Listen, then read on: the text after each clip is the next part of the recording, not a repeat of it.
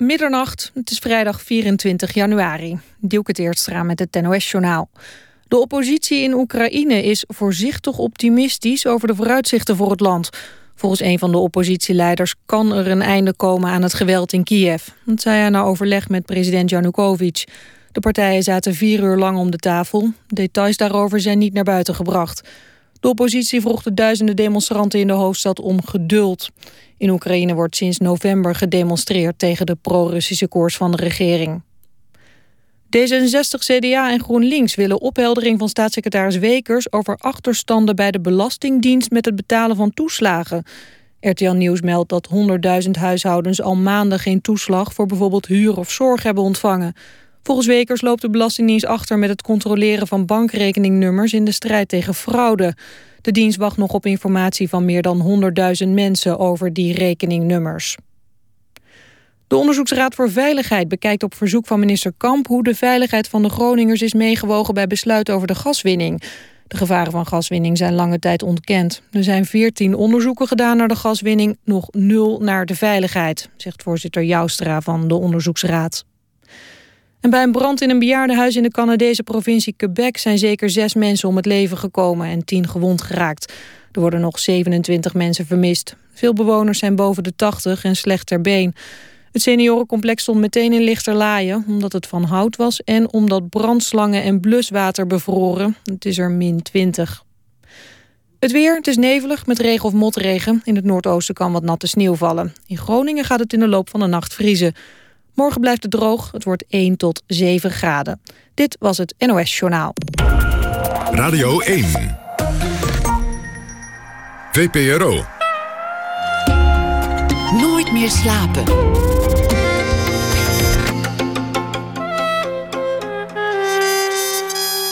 Met Pieter van der Wielen. Goedenacht en welkom bij Nooit meer slapen. Koffiepotten, staatsbanketten en bioscoophouders krijgt u zometeen van ons. Twan Hermans won met zijn eerste boek de hoogste literaire onderscheiding die Frankrijk te bieden heeft. En zodoende mocht hij ook aanschuiven bij het banket van François Hollande met Mark Rutte. Straks hoort u hem over zijn nieuwe boek, Pristina. We mengen ons achter de schermen van het Filmfestival Rotterdam, waar het gehossel plaatsvindt tussen filmmakers en bioscoophouders. En u hoort schilder Klaas Gubbels over zijn fascinatie en specialiteit koffiepotten. Dat allemaal na ene. Maar eerst, het was naast selfie het woord van 2013, de participatiesamenleving. Maar wat betekent dat eigenlijk, een participatiesamenleving? Kim Putters is sinds vorig jaar directeur van het Sociaal Cultureel Planbureau. En hij sprak vanavond aan de Universiteit van Amsterdam de nieuwjaarslezing uit over dat onderwerp. Komend uur is hij te gast. Kim Putters. 1973 is een kind uit een schippersgezin. Klom van de MAVO op tot het VWO en daarna tot hoogleraar. Was Eerste Kamerlid, zat in de gemeenteraad van Hardingsveld-Giessendam. En uh, Rotterdam, daar was hij hoogleraar. Hartelijk welkom. Dankjewel. Eerst uh, even persoonlijk. Kind van, kind van schippers. Ja. Binnenvaartschippers? Ja, uh, olietankers. zowel mijn opa als mijn vader en mijn broer zijn, waren schippers. Mijn broer niet meer op een tanker. Die vaart nu op een, op een schip waar feesten op, ge, op gegeven worden. Dus die vaart over de Rijn met, met de leuke dingen van het leven. Ja. Was u dan als kind ook ontheemd? Of, of viel het allemaal mee? Nee, dat valt reuze mee. Uh, mijn ouders die, uh, die, uh, die zijn aan de wal blijven wonen. Dus mijn vader heeft altijd voor een rederij gevaren. en zij wilde heel graag dat ik en mijn broer naar een gewone school gingen. Dus we hebben ook nooit aan een internaat gezeten. Maar het betekent wel dat mijn vader altijd een week van huis was. Dan weer een aantal dagen thuis was. en zo zag ons leven er wel een beetje uit. Maar ontheemd heb ik me nooit echt gevoeld, nee. Opgeklommen via de MAVO, de HAVO naar het VWO en uiteindelijk uh, hoogleraar. Ja. Dat zegt in ieder geval dat u een, een doorzetter bent. Uh, ja, ik, dat, ja, ik zet wel door. Ja. Ik probeer wel eruit te halen wat erin zit en mezelf te ontwikkelen. Dat heb ik met het proefschrift geprobeerd. Naar het hoogleraarschap ook, dat klopt. En ik ben nog steeds één dag in de week hoogleraar in Rotterdam. Dus ook bij de benoeming bij het SCP vond het kabinet het ook belangrijk... om ook nog met één been in de wetenschap te blijven, blijven staan. En daar ben ik eigenlijk heel blij mee. Want ik ben er ook wel heel gelukkig op de universiteit... met dat ik dat mag doen en kan doen, ja. Het Sociaal Cultureel eh, Planbureau. Uh, een, een, een, belangrijk instituut dat heel veel onderzoeken publiceert over uh, het welzijn van het land, dat advies geeft. We hebben het uh, gewone planbureau, het Centraal Planbureau, dat is zo'n beetje heilig voor politici. De, die, elke verkiezingsbelofte moet daar door de modellen worden ge, geraast. Ja. Hoe staat het eigenlijk intussen met de, met de status van uw bureau?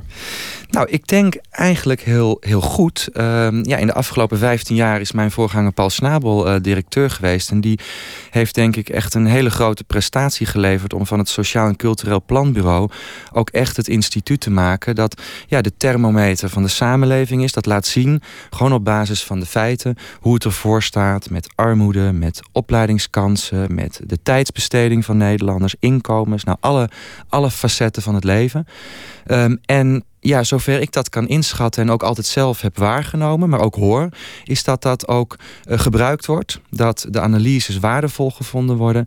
Uh, met name ook omdat we ja, de onderbouwing voor politieke debatten, voor beleid aanreiken. Dus volgens mij uh, staat het SCP ja, mede dankzij ook Paul Snabel heel goed op de kaart. Laten we beginnen met het, met het geluk, met, met het welzijn van het land, de stemming. Ja. Hoe, hoe meet je zoiets eigenlijk? Vraag je dan gewoon aan mensen Bent u gelukkig? Ja, we hebben een aantal uh, we hebben verschillende meetinstrumenten. We kijken bijvoorbeeld naar de leefsituatie van mensen. We hebben ook een, een leefsituatie-index. En dan kijken we dus naar verschillende facetten die voor het dagelijks leven van belang zijn. Zoals inkomen, uh, opleiding, kun je meekomen op de arbeidsmarkt. Dat zijn allemaal elementen die van belang zijn voor het welbevinden van mensen. Dat is ook de kern waar het SCP voor is. Hè. Dat staat ook in ons, onze, onze statuten, zal ik maar zeggen. Wij zijn er voor het welbevinden schuine streep het meten van het geluk van de Nederlander. En dat doen we aan de hand van zo'n index. Um, nou, en daar komt eigenlijk uh, keer op keer wel uit dat Nederlanders gemiddeld genomen eigenlijk heel veel kansen hebben op een gelukkig leven en het ook wel zo ervaren. We staan altijd in die top 10 lijstjes wereldwijd, alsof, ja. alsof het een wedstrijd is, maar, maar toch op de, op de derde of vierde plaats, geloof ja. ik, zoiets. Alleen ja. in Scandinavië zijn ze ja, de, de, Scandinavische landen blijven ons meestal voor. Uh, Europees gezien staan we nu, uh, ja, afhankelijk hoe je, hoe je... Er zijn verschillende lijstjes, maar zeg maar zo op plaats vijf... van de meest gelukkige Europeanen. Het is wel zo uh, dat wij al een aantal jaar... maar zeker ook in het afgelopen jaar zien dat de somberheid uh, onder Nederlanders uh, toeneemt. En dat er meer zorgen zijn over banen, baanbehoud, uh, over inkomen, over de gezondheidszorg. Dus je ziet wel dat de, de somberheid meer toeneemt. Maar toch scoren we ook nog steeds heel hoog in het geluk. Ja. Uw voorganger omschreef dat gevoel als met mij gaat het goed, maar het land gaat naar de haaien. Ja, met mij gaat het goed en met ons gaat het slecht. Dat was altijd. Ja, dat heeft Paul vaak gezegd. En wij hebben in 2013, um, dat was overigens net na zijn vertrek. Ik weet niet of dat samenhangt met elkaar, maar moeten constateren dat dat beeld kantelt. En dat Nederlanders ook zijn gaan zeggen in onze onderzoeken... het gaat met mij nu ook slechter.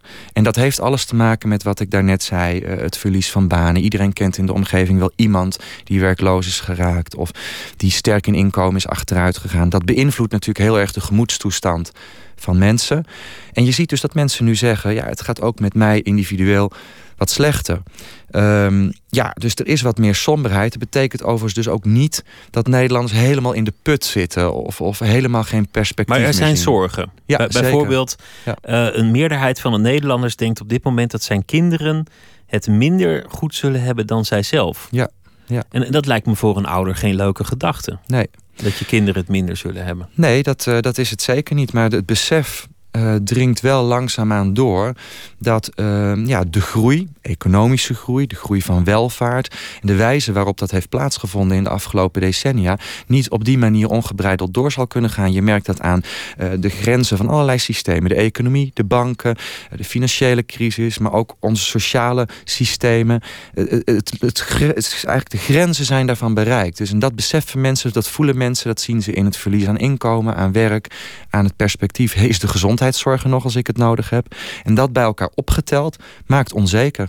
Ja, maakt onzeker over die toekomst. Maar als je mensen gewoon vraagt, de, de simpele beginvraag: bent u gelukkig? Dat is natuurlijk heel erg aan het moment gebonden. Ja. Bijvoorbeeld, iemand is misschien 's ochtends iets minder gelukkig dan smiddags. Ik kan me voorstellen dat het zo, zo basaal al is. Nou, het is natuurlijk wel zo dat uh, het moment waarop je vragen stelt en meet uh, en de situatie waarin mensen zitten, beïnvloedt ook hun antwoorden. Daar hebt u gelijk in. Maar wij uh, doen het natuurlijk wel volgens de, de, de, wetenschappelijk verantwoorde methodes, door ook op verschillende momenten te meten en door daar dwarsdoorsneden in te zoeken. Um, dus we proberen daar wel het uit in te middelen en zoveel mogelijk de, ja, de, echt de uitschieters eruit te halen. Maar u heeft gelijk. Um, zoiets als geluk kent heel veel kanten. Uh, en het is mooi om daar lijstjes van te maken. Maar wij doen naar al die onderdelen heel veel diepgaand onderzoek. Of het nou de armoede in Nederland is. Of hoe uh, kinderen het op school doen. En dat vind ik eigenlijk veel interessantere gegevens dan alleen maar dat ene gegeven dat we op vijf staan in de top uh, van uh, gelukkig. Dat, we zo gelukkig zijn. Ja. ja. Uh, afgelopen week ging het in dit programma, omdat wij de stadsdichter van Rotterdam elke dag een verhaal laten schrijven over twee onderwerpen die hij inbracht. Um, het schelden op internet vond ik een wonderlijke gedachte, omdat iemand overdag gelukkig is en dan s'avonds als hij onder de naam Dolfijntje 74 of zoiets inlogt, ja. ineens ontzettend boos wordt. En het uitgaansgeweld, want, want daar waren van de week, uh, was dat ook in het nieuws, dat dat toch nog steeds toeneemt. Dus iemand die, die overdag gelukkig is en die dan ineens s'nachts na een flinke hoeveelheid bier uit de slof schiet. Dus, dus kennelijk is, is het ook volatiel, de stemming. Ja, dat is. Dus dit zijn natuurlijk incidenten en dit geldt ja. niet voor iedereen, maar het zegt toch iets. Ja, en dit, dit zijn ook wel onderwerpen waar Nederlanders zich ook heel erg druk om maken, overigens. Dus wij zien wel dat die economische onderwerpen van werk en inkomen, dat die heel erg nou ja, de onzekerheid voeden van mensen. En daar ga je soms ook raar gedrag van vertonen. Maar het betekent niet dat mensen onfatsoenlijk gedrag, uh, crimineel gedrag op straat, uh, schelden, minder erg zijn gaan vinden. Want ook dat uh, zien wij terug in onze enquêtes.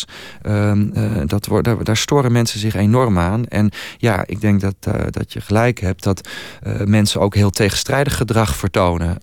en ja, waar dat precies door komt, nou, dat vind ik moeilijk in te schatten. Maar die twee kanten zitten er wel aan. En Nederlanders maken zich minstens zo druk om omgangsvormen en, en nou, ook discriminatie, tolerantie, dat soort vragen. Ja. Dan de, de participatiesamenleving. U heeft vandaag een, een toespraak gehouden aan de Universiteit ja. van Amsterdam over dat onderwerp. Um, het woord was niet van 2013. Uh, het schijnt al een heel oud woord te zijn. Jan-Peter Balkenende heeft het al gebruikt. Het schijnt daarvoor al gebruikt te zijn. Participatiesamenleving. Maar ineens, na uh, Prinsjesdag, na de troonrede, ja. stond het bovenaan op de agenda. Ja, ja kijk, als je echt even in de geschiedenis teruggaat, is het inderdaad, ja, denk ik, een heel oud woord. Want um, nou ja, ook de verzorgingsstaat, zoals hij uh, uh, destijds is opgericht, is natuurlijk bedoeld om mensen mee te laten doen. En diegenen die het niet kunnen, om die daarbij te helpen waar dat nodig is en waar mensen het zelf niet kunnen.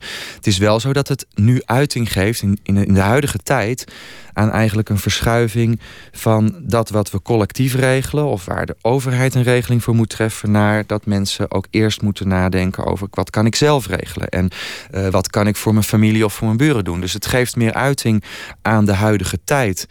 Uh, van individuele verantwoordelijkheid en het zorgen voor elkaar, dan dat het misschien in de afgelopen decennia deed. Maar eigenlijk maar het, is participatie van alle tijden. Het moeilijke aan zo'n term is dat het eigenlijk niet zoveel betekent. Participatiesamenleving is dermate abstract dat iedereen ja. er iets in kan lezen wat hij wil. Ja, ik ben dat gelijk met, met u eens. Ik heb vanmiddag op de universiteit ook gezegd, als je het politiek bekijkt, nou dan kun je het heel mooi schetsen. De liberalen die vinden dit een, een prachtige term, want het, het, doet een beroep op individuele verantwoordelijkheid en eigen kracht. Christendemocraten vinden het prachtig, want je kunt het ook vertalen naar de wijk en de buurt en de gemeenschap. En sociaaldemocraten vinden het mooi, want ook die vinden participatie belangrijk en voor diegenen die het niet kunnen, moet je een collectieve regeling treffen. Nou, dan heb je het hele, een heel groot deel van het politieke spectrum uh, uh, gehad. Dus dan zegt het, dan is het een polderbegrip waar iedereen uh, achter, zich achter schaart. En er schuilt een gevaar in.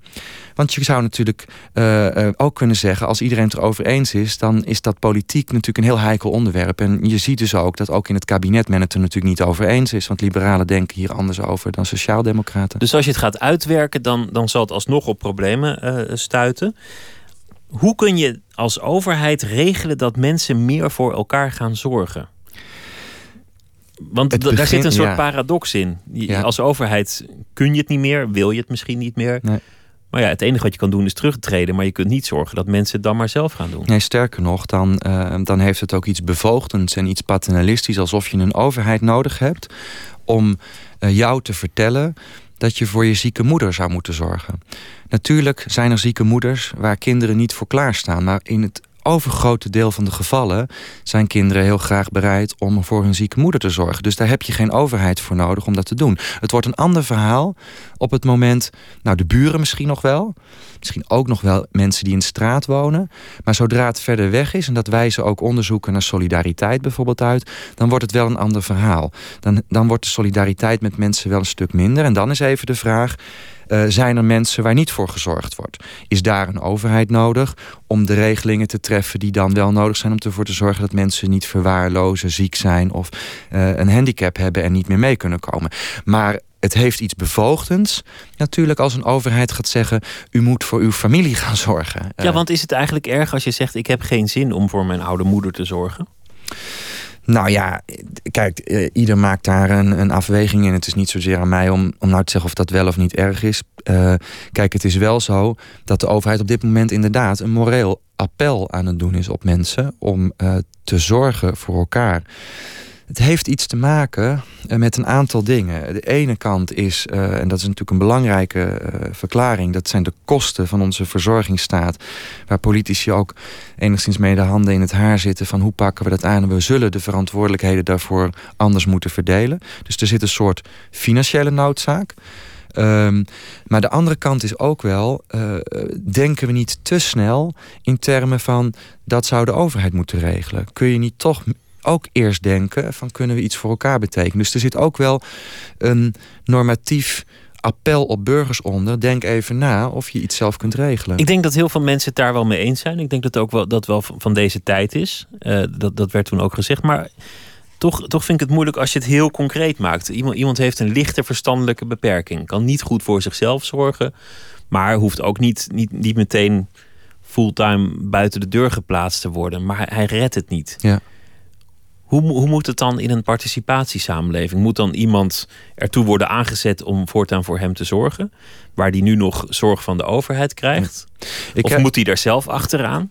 Ik, kijk, participatie dat is dus een, een, een, beetje een diffuus begrip. Ik heb vanmiddag geprobeerd het uiteen te leggen in een aantal vormen van participatie. Hè. Dus je hebt iets nodig om mee te kunnen doen. Uh, opleiding, uh, inkomen, arbeid, dus gewoonweg werk, tijd tijd is ook een hele belangrijke factor in de huidige samenleving. Want als wij voor onze ouders moeten zorgen, dan moeten we er ook tijd voor hebben naast het werk en de kinderen en noem maar op. Nou, een aantal van die factoren die heb je wel of die heb je niet. En afhankelijk van waar het om gaat, is soms wat bijsturing nodig. Dus neem een arbeidsgehandicapte of een jongere... die tot nu toe bijvoorbeeld wel van een waaijongregeling gebruik kon maken. Dat gaat vervallen. Dat wordt naar de gemeente toe gedecentraliseerd. Dus de gemeente wordt verantwoordelijk om na te denken... kan een jongere met een arbeidshandicap voldoende meekomen? Het is straks aan de gemeente om te bepalen... nou, voor die jongeren die dat niet kunnen... gaan we iets extra's regelen of niet. Daar ligt dus wel een vraag ook voor de overheid. Zeker voor die jongeren die niet automatisch zelf aan werk kunnen komen en toch op de arbeidsmarkt mee zouden moeten kunnen, komen, kunnen doen. Nou, zo moet je er denk ik naar kijken. Dus het gaat soms om opleiding, soms om werk, soms om tijd of vrije tijd. En participatie als groot begrip zegt niet zoveel. Ik vraag me ook af of de overheid überhaupt in staat is om, om terug te treden. Want dat zag je bij de privatisering van de spoorwegen, bij, eigenlijk bij heel veel privatiseringen. De overheid wil terugtreden, maar zodra er incidenten komen, dan zijn er toch weer Kamerleden die vragen gaan stellen, moet de minister reageren en zullen ze uiteindelijk weer roepen om nieuw beleid. Den Haag vindt het moeilijk om dingen los te laten. Ja, ja en ehm, dat klopt, denk ik. Uh, kijk, daar ligt wel uh, laat ik er twee dingen over zeggen. Uh, namelijk uh, dat het klopt en ook dat het, dat het een beetje niet klopt.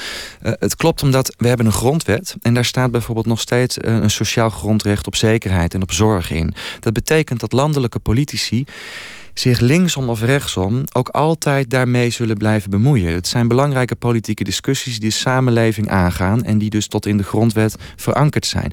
Dus daarmee is het ook wel terecht dat politici zich ermee blijven bemoeien. De andere kant van het verhaal is dat Den Haag het wel heel moeilijk vind om bijvoorbeeld, ja, om, zeker nu we bij de gemeente veel verantwoordelijkheid neer gaan leggen, om te accepteren dat daar de beslissingen erover genomen zullen moeten worden. En dat daar ook verantwoording naar burgers afgelegd zal moeten worden. Dus dat je inderdaad drie keer na moet denken voordat je de minister er vragen over stelt. Dat zal namelijk het raadslid aan de wethouder moeten doen. En daar heeft u gelijk in. Daar, dat, daar is nog een slag te maken in de landelijke politiek. Want geen minister zal uh, voor de camera zeggen: ja, ontzettend tragisch wat daar is gebeurd. Als er een incident is. Maar je moet niet bij mij zijn. Dat doen ministers nou helemaal niet. Nee, nou, dat verschilt wel. Dat verschilt denk ik wel. Want toch hoor ik dat soms wel. En in het verleden ook wel. Ook als het om zorg gaat of over onderwijs gaat. Er zijn toch echt vragen die ook wel teruggelegd worden. Um, kijk, de, de Tweede Kamer is natuurlijk, uh, heeft een aantal functies.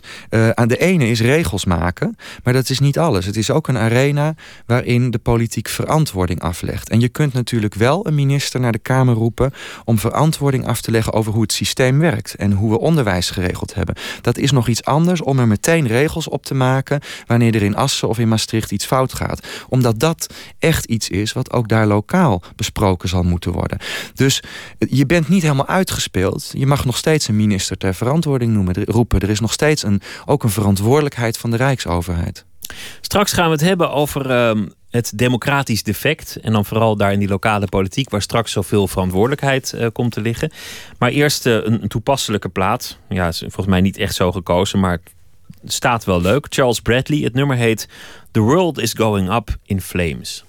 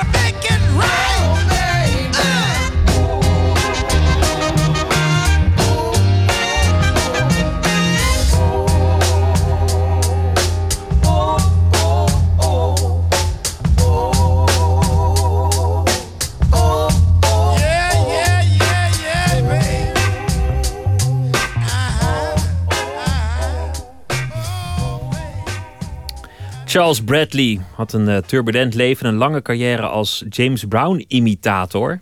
En op zijn 63ste kwam uiteindelijk pas zijn debuutplaat. Zo zie je maar dat alles op late leeftijd nog kan veranderen. The World is Going Up in Flames. U luistert uh, naar Nooit meer slapen in gesprek met Kim Putters, de directeur van het Sociaal Cultureel Planbureau, die vanavond een lezing hield over de participatiesamenleving. Het, het, is ook een beetje de taal die bij politici is gaan horen. Altijd in, in verkiezingstijd. Hè? Samen, met z'n allen, voor elkaar. En, en uh, zij aan zij. Dat, dat zijn van die politieke ja. termen. En altijd een soort bijna idyllisch beeld van wat een samenleving is. Terwijl een samenleving volgens mij is helemaal niet leuk. Ik bedoel, je komt allemaal mensen tegen in de samenleving waar je helemaal niks mee hebt. Die er vieze gebruiken op nahouden. Die je liever zou willen vermijden. En dat is allemaal helemaal niet erg. Ja.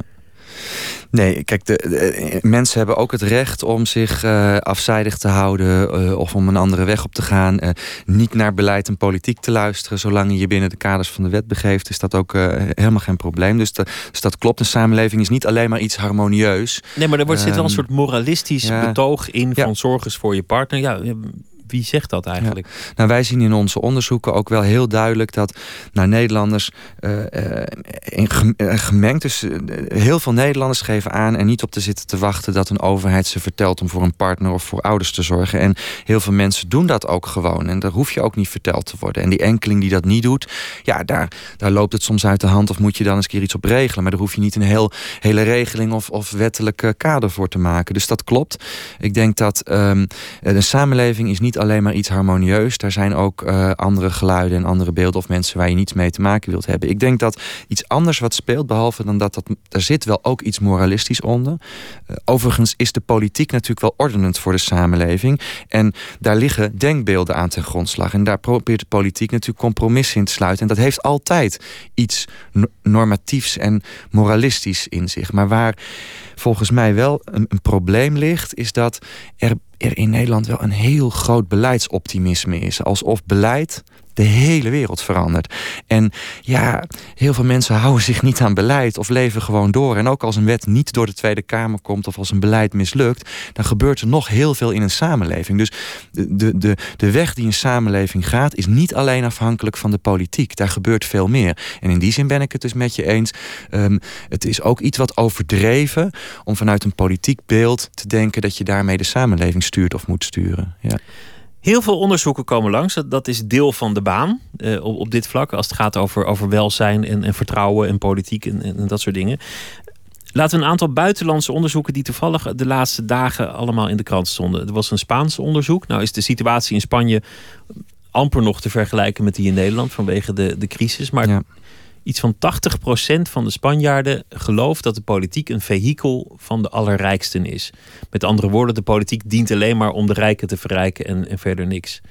Duits onderzoek stond, stond ook afgelopen weekend in de krant. Meer dan de helft van de Duitsers denkt op geen enkele wijze invloed uit te kunnen oefenen op de leefomgeving. Tamelijk schokkend als, als je in een democratisch land uh, leeft. En dan was er nog uh, onderzoek dat wereldwijd de rijken alleen maar rijker worden en de armen alleen maar armer. Met andere woorden, er, er lijkt toch wel in die democratie iets mis te zijn. Hoe zit dat in Nederland? Nou, je ziet ook dat het eh, vertrouwen in de politieke instituties in Nederland ook afneemt. Uh, wij hebben in het afgelopen jaar moeten constateren dat als je kijkt naar het vertrouwen in uh, regeringen en in parlement, dat dat tot onder de 40% van de Nederlanders uh, is gezakt. En soms zit het er weer net iets boven. Dat is Europees gezien overigens vaak nog heel redelijk. Dus, dus, en, overigens ook het vertrouwen dat Nederlanders hebben in, in het Europees parlement. Dat scoort ook nog wat hoger dan in veel andere landen. Wat wil vertrouwen zeggen concreet? Wil dat zeggen dat een politicus de waarheid spreekt of dat je denkt dat hij je problemen kan oplossen? Ja, wat wij, wat, wat wij zien is dat we steeds vaker, ook in de interviews die we houden, terugkrijgen dat diegenen die de beslissingen nemen, dat mensen het gevoel hebben dat die niet het goede doen en dat ze het ook niet goed doen. Uh, en dat is wel een probleem, want daarmee hebben veel mensen toch een gevoel van onmacht. Dat het niet zoveel uitmaakt. Uh, dat je niet echt invloed hebt op de situatie. En die is al onzeker, hè, want dat schetsten we daarnet met werk en inkomen. Ja, en als je dan het vertrouwen in de politiek daalt, omdat je het gevoel hebt dat die niet de goede dingen doen, dan komt daar ook een gevoel van onmacht bij. En dat is denk ik ook wat geciteerd, uh, wat, je citeert uit onderzoek uit het buitenland. Een soort combinatie van onzekerheid en onmacht. Ja, die, die wel de instituties op hun grondvesten doet wankelen. Ja. De instituties op de grond vestigen, ja, dat wankelen. Een... Dat, dat, dat klinkt vrij ferm. Ja, nou, ik denk dat er ook echt wel een vraagstuk van democratie ligt. Uh, als ik het naar Nederland uh, uh, verplaats. Nou, wij, wij, wij decentraliseren veel belangrijke taken op dit moment naar het lokaal bestuur. Nou, dat zijn, het gaat over zorg, dat gaat over werk, dat gaat over jeugdzorg. Dingen die in het dagelijks leven van mensen heel belangrijk kunnen zijn. Ja, als je een beroep doet op de eigen verantwoordelijkheid van mensen, dan hoort er ook een stukje zeggenschap over je eigen leven, over je leefomgeving bij. Nou, veel mensen hebben het gevoel daar weinig invloed op te hebben. Dus er ligt een vraag van hoeveel zeggenschap hebben straks ook mensen in die lokale verzorgingsstaat of die verzorgingsstad die we aan het creëren zijn? Hoe is dat geregeld? Heb je echt invloed op je gemeenteraad of niet? Doen die de goede dingen? Uh, heb je in je wijk of je buurt iets te zeggen? En heel interessant, we hebben vorig jaar een, uh, dat onderzoek over de vogelaarwijken uitgebracht, hè, de krachtwijken. Uh, nou, dat is in de zomer wel in het nieuws geweest, omdat wij niet echt een heel duidelijk positief effect hebben kunnen ontdekken op het, op gebied van armoede of veiligheid. Maar één hebben we in die onderzoeken wel kunnen uh, aantonen, eh, in, in positieve zin. Dat is dat wanneer je mensen iets meer te zeggen geeft over hun buurt. Dus dat kan zijn de situatie veiliger maken, wat meer verlichting aanbrengen of bepaalde uh, gebieden meer groen aanbrengen. Als je ze daar iets meer over te zeggen geeft, dat ze optimistischer zijn en meer tevreden worden. Dat bleek ook uit ons onderzoek. Dus kortom, je moet nadenken over die lokale democratie, over zeggenschap. Alleen maar een beroep doen op burgerkracht of zelfredzaamheid is eigenlijk een beetje obligaat als je daar niet ook een beetje macht en zeggenschap bij geeft. Maar die lokale politiek bevindt zich juist in een crisis. Dat, dat is juist waar alle incidenten plaatsvinden. De nou ja, vechtpartijen hebben we al gezien, ontzettend veel schandalen, uh, steekpenningen, uh, andere vormen van corruptie. Het, het is eigenlijk in heel veel gemeenteraden, om het maar gewoon direct te zeggen, een enorme bende. Um, nou, dat zijn, zouden niet mijn woorden zijn, omdat ik denk dat ook in gemeenteraden echt nog wel veel raadsleden zijn die uh, met heel veel inzet uh, hun werk zo goed mogelijk proberen te doen. Wat ik denk dat wel een vraagstuk is, zeker de nieuwe, gezien de nieuwe taken die ze krijgen, uh, dat velen ook zelf zich zorgen maken over de vraag: heb ik voldoende kennis in huis om dat goed te kunnen beoordelen? Weet ik precies hoe het met onze bevolking gesteld is? Heb ik de goede informatie? kan ik ook voldoende sturen? Dus daar liggen wel vragen van kan ik wel datgene doen ehm, dat zou moeten gebeuren. Maar de uitgangspositie, uh, in ons onderzoek naar het vertrouwen, zien wij dat van onze bestuurslagen het lokaal bestuur wel het meeste vertrouwen geniet bij Nederlanders. Dus als, er, als ik een rapportcijfer mag geven, dan krijgt het lokaal bestuur uh, nou net geen 6, een 5,9. En zowel uh, de landelijke overheid als de Europese zitten ver onder de 5, zitten op de 4,5, 4,7. Dus dat zegt wel iets. Nederlanders hebben wel iets meer vertrouwen in hun lokale politici. Maar wat weten ze er helemaal van? Want ter voorbereiding op dit interview ging ik kijken wat er uh, geschreven is over, over jouw eigen tijd in de gemeenteraad uh, in Giesendam. Nou, dat, dat, waren geloof ik drie, drie artikelen uit, uit de lokale krant. En dat, dat is nog veel, want in heel veel gemeenteraden is gewoon geen één journalist meer aanwezig. Nee, nee dit, dit is echt een punt waar ik uh, grote zorg heb. Um, kijk, democratie uh, is niet iets wat uh, leuk en aardig is als het zo toevallig eens een keer uitkomt. De democratie is een vitale as in onze samenleving. Dat is eigenlijk de, de randvoorwaarde uh, tenzij je met een beter systeem komt, hè, zoals Churchill al zei, uh, die we nodig hebben. Ja, en daar hoort een pers bij. Het is dus niet alleen de gemeenteraad, dus terecht dat je dat noemt. Um, de pers, de berichtgeving, de onafhankelijke berichtgeving, het informeren van burgers is cruciaal. En in heel veel gebieden, of er is geen pers, of het is een advertentieblaadje, of er wordt uit tweets van allerlei mensen toch nog een berichtje gemaakt. Um, dit is niet een verwijt aan journalisten, maar dit is gewoon de situatie zoals die is. Bedrijven gaan failliet of het is niet meer rendabel om een krant in de lucht te houden. Ja, hier ligt een groot zorgpunt. Dit heb, dit heb, heb ik ook aangekaart in de afgelopen tijd, ook bij het kabinet, omdat ik denk dat er echt aan nagedacht moet worden over hoe je uh, ervoor zorgt dat er een goede onafhankelijke pers in dit land blijft. Ja, de regionale omroepen hebben, zitten ook in de problemen vaak. Ja. Dus, ja. En dan hebben we afgelopen jaar zoveel schandalen gehad in die lokale politiek. En soms ook echt ernstige uh, schandalen dat doet het vermoeden reizen als zo weinig journalisten al zoveel schandalen bovenbrengen, dat het misschien maar het topje van de ijsberg is. Dat kun je niet zeggen. Nee, nou, dat weet ik niet. Ik, ik kan overigens ook geen cijfers noemen van het aantal schandalen of incidenten of zo. Dus dat weet ik gewoon niet precies. Wat, ik wel naar, naar de komende jaren toe uh, ja, zou voorspellen, dat is dat het wel, beeld wel eens zou kunnen gaan kantelen in termen van de interesse van mensen in de lokale politiek en de mate waarin ook de pers erover gaat berichten. Omdat gewoonweg heel veel belangrijke beslissingen uh, en veel meer dan vroeger in die gemeenteraadzaal genomen worden. En het treft grote groepen burgers. En die zullen ook in beweging komen als het hen niet welgevallig is. Dus ik denk wel um, dat er de komende tijd, de komende jaren, meer aandacht zal zijn voor die lokale politiek. Het, wij zijn overigens met de Grieken uh, samen, zijn wij de twee landen in Europa die uh, het minst over lokale politiek praten. En dat beeld, dat zal denk ik de komende tijd wel veranderen. Er is heel veel uh, de laatste tijd geschreven over de lokale politiek. Uh, uh, een weg uit de crisis. Er zijn ook voorstellen gedaan. Een andere manier van kiezen bijvoorbeeld. Of, of meer betalen zodat mensen er echt een baan van zouden kunnen maken. Of meer samenwerken in, in de regio. Zodat het, dat het een wat groter parlement wordt. Niet van één gemeente, maar van een aantal gemeentes. Heb jij eigenlijk een oplossing? Want het, het probleem dat, dat signaleer je wel, maar ja. is er al een denkrichting van hoe we daaruit zouden kunnen komen? Ja, ik geef eerlijk toe dat is wel een lastige. Want um, je zou echt. Kijk, je kunt natuurlijk weer op de gekozen burgemeester gaan zitten. of het systeem veranderen. En dat, is, dat duurt vaak lang en dat is lastig. En daar heb je of weer een grondwetswijziging voor nodig. Ondertussen kun je volgens mij wel heel wat doen. Kijk, wij, wij, wij doordenken niet al die oplossingen als planbureau. maar om iets te noemen. Um, de Tweede Kamer, als, als vergelijking. De Tweede Kamer stuurt tegenwoordig ook ministers met een opdracht. of met een kader naar Brussel. Vroeger kwamen de ministers uit Brussel terug. en dan had de Tweede Kamer vaak het nakijken. En nu maakt men van tevoren vaak afspraken. Dit zijn ongeveer de boodschappen die we te brengen hebben. En daar controleren we achteraf ook op en daar gaan we over in gesprek. Dat zou natuurlijk een gemeenteraad ook kunnen doen. Veel vaker dan nu gebeurt. Dat wanneer een wethouder naar zo'n regionale samenwerking gaat... dat hij ook weet wat er bij de burgers leeft. Die weet wat de gemeenteraad ervan vindt. En dat die hem daarna ook erop aan kunnen spreken. Dat zie ik nog veel te weinig gebeuren. Dus nu al kunnen denk ik ook raden zelf sommige zaken beter organiseren en beter verantwoorden naar hun burgers toe. En dat is een voorbeeld uh, wat je nu al kunt doen.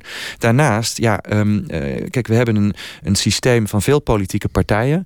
Er ligt wel toch een dure plicht bij politieke partijen om mensen te recruteren die ook één volksvertegenwoordiger zijn en twee ook de nodige kennis en know-how hebben om die ingewikkelde vragen te behandelen. Ja, ik denk dat, dat partijen daar erg hun best voor moeten doen. De groep mensen wordt steeds kleiner. Want ja, want er zijn niet zoveel mensen nog lid van een politieke partij. Nee, dat, is, dat, dat neemt ook af. Dus die, die vijver waarin gevist wordt, die wordt steeds kleiner. Ja, dat, en daar zit natuurlijk een deel van het ongenoegen van mensen ook. Dus het aanspreken van mensen voor politiek. En natuurlijk niet iedereen hoeft mee te praten met de politiek. Maar het aanboren van een grotere groep mensen die daarin geïnteresseerd is, is absoluut nodig. En ja, dat kan op heel veel manieren. Je hoeft niet per se uh, een totaal beeld van de samenleving te hebben wat past bij één politieke partij. Je ziet ook, uh, uh, nou, je ziet one-issue partijen opkomen. Dat kan ook een manier zijn om mensen in de politiek te interesseren. Maar, het maar kan op heel veel manieren. Stel je hebt een nieuwe geliefde en, en uh, je vertelt over je nieuwe geliefde tegen, tegen je moeder en zegt nou mijn nieuwe geliefde dat is, uh, dat is echt een politicus. Dat is echt ja, is gewoon, als ik moet omschrijven, nou een politicus. Dat is niet positief. Dan denken mensen associëren dat toch met, met uh, hosselen, met, met ellebogenwerk, met, met achter de rug om, met, met spelletjes. Ik denk dat dat misschien wel een van de dingen is die afschrikt, zeker in de lokale politiek, omdat het, dat er toch ook een beeld heerst van, van ruzie. En, en, van chaotische vergaderingen en, en lange vergaderingen. Het ziet er niet aanlokkelijk uit. Nou, het beeld. Ik denk dat het beeld zoals je het schetst, dat inderdaad veel mensen dat beeld hebben. Ehm, de vraag is even of beeld en werkelijkheid altijd kloppen. Hè? Want nogmaals, ik denk dat in veel gemeenteraden en ook in de Kamer. Ehm, nou ja, terugkijkend uh, kan ik dat van nabij zeggen. Mensen met heel veel inzet toch proberen om uh, zaken uh, voor elkaar te krijgen. Maar het klopt. Kijk, um, ik denk dat politici ook moeten ervoor moeten waken om hun eigen ambacht niet te veel naar beneden te halen. Want het is, het is wel een vak. Uh, het, sluiten van compromissen is niet altijd makkelijk. Het vertegenwoordigen van grote groepen mensen is niet altijd makkelijk. Je krijgt veel tegenwind. Je moet wel een rechte rug hebben. Je moet er ook tegen kunnen om veel kritiek te krijgen. Dus het is ook wel een vak. En uh, ja, het vliegen afvangen, het continu op de man spelen, dat leidt er niet altijd toe dat de politiek zelf dat vak ook een beetje uh, in ere houdt. En uh, ja, taalgebruik kan daar ook een onderdeel bij zijn. ja, een politicus wil stemmen winnen. En de manier om stemmen te winnen is door de woorden te spreken die de kiezer spreekt. En als de kiezer negatief denkt over eh, de regenten of het Haagse circus, dan kun je de stemmen winnen door dat ook te zeggen. Nee, ik denk, kijk, als ik, als ik even teruggrijp op de analyses die wij bij het Sociaal Cultureel Planbureau maken, dan uh, gaf ik net aan, veel mensen voelen zich enerzijds onzeker over de toekomst, anderzijds ook onmachtig van doet de politiek het goede. En volgens mij is de taal die politici zouden moeten spreken, gaat daarover. Dus adresseer je de onzekerheden die er spelen en kom je met oplossingen ervoor. Adresseer je dat mensen het gevoel van onmacht hebben. En vertaal je dat dan naar een stukje macht voor mensen. Dus daar gaat het om. Dus volgens mij is, ja, je kunt zeggen van we moeten de taal van de straat spreken. En volgens mij gaat het erom, en dat begrijpen heel veel burgers heel goed, dat die onzekerheden en die gevoelens van onmacht, dat die op de agenda staan en dat daar iets mee gedaan wordt. Dat is volgens mij een, een, ja, een, een route die de politiek ook echt uh, meer in positie brengt. Om die te bespreken. In de lezing uh, van vandaag stond ook dat mensen moeten leren te accepteren dat groei niet meer vanzelfsprekend is. Het groeiparadigma uh, moet maar eens op de helling. Ja.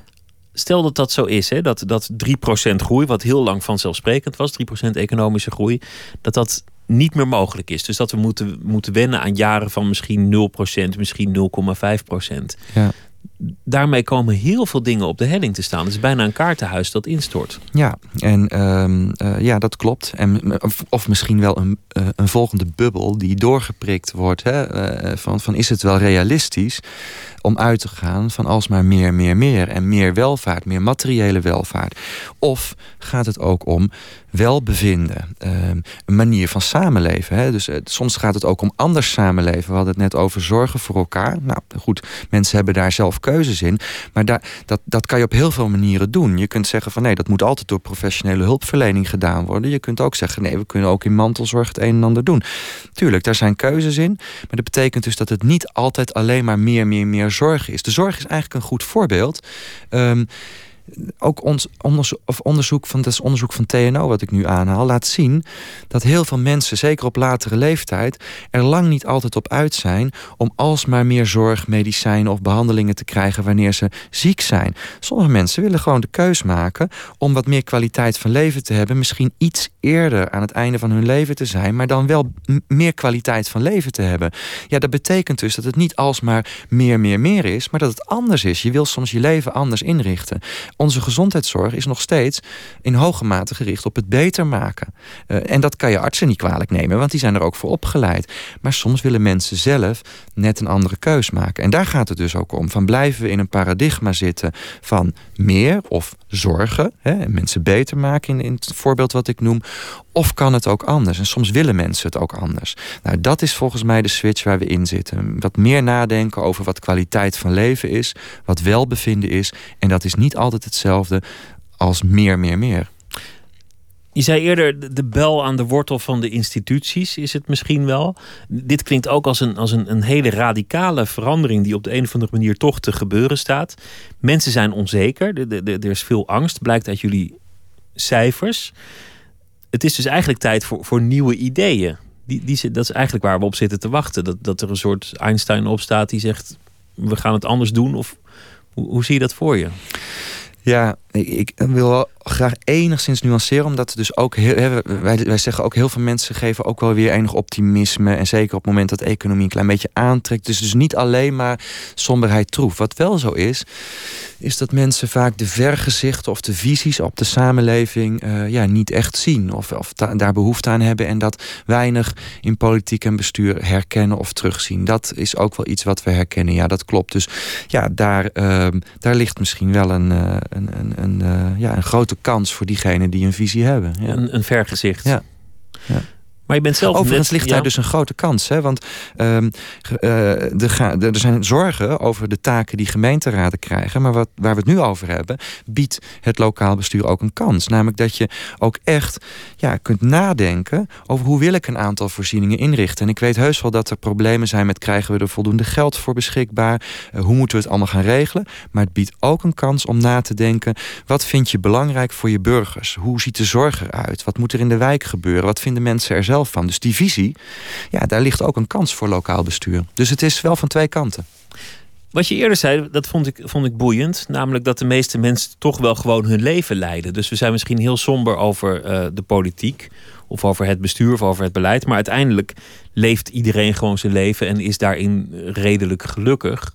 En, en doet dat ook eigenlijk naar behoren. Een paar mensen zijn in nood, die hebben misschien hulp nodig. Maar heel veel mensen, ja, die. Het is wel een groeiende groep. Hè? Dus wij, wij zeggen, want dat is wel waar echt een zorg ook ligt. Dus 6 tot 7, het groeit meer dan 7 procent van de Nederlandse bevolking eh, zit eh, eh, onder de armoedegrens. Eh, behoort tot de groep meer kwetsbare burgers, waar armoede, beperkte kansen op de arbeidsmarkt en ook in moeilijkheden in opleidingen, drop-outs, waar dat allemaal samenkomt.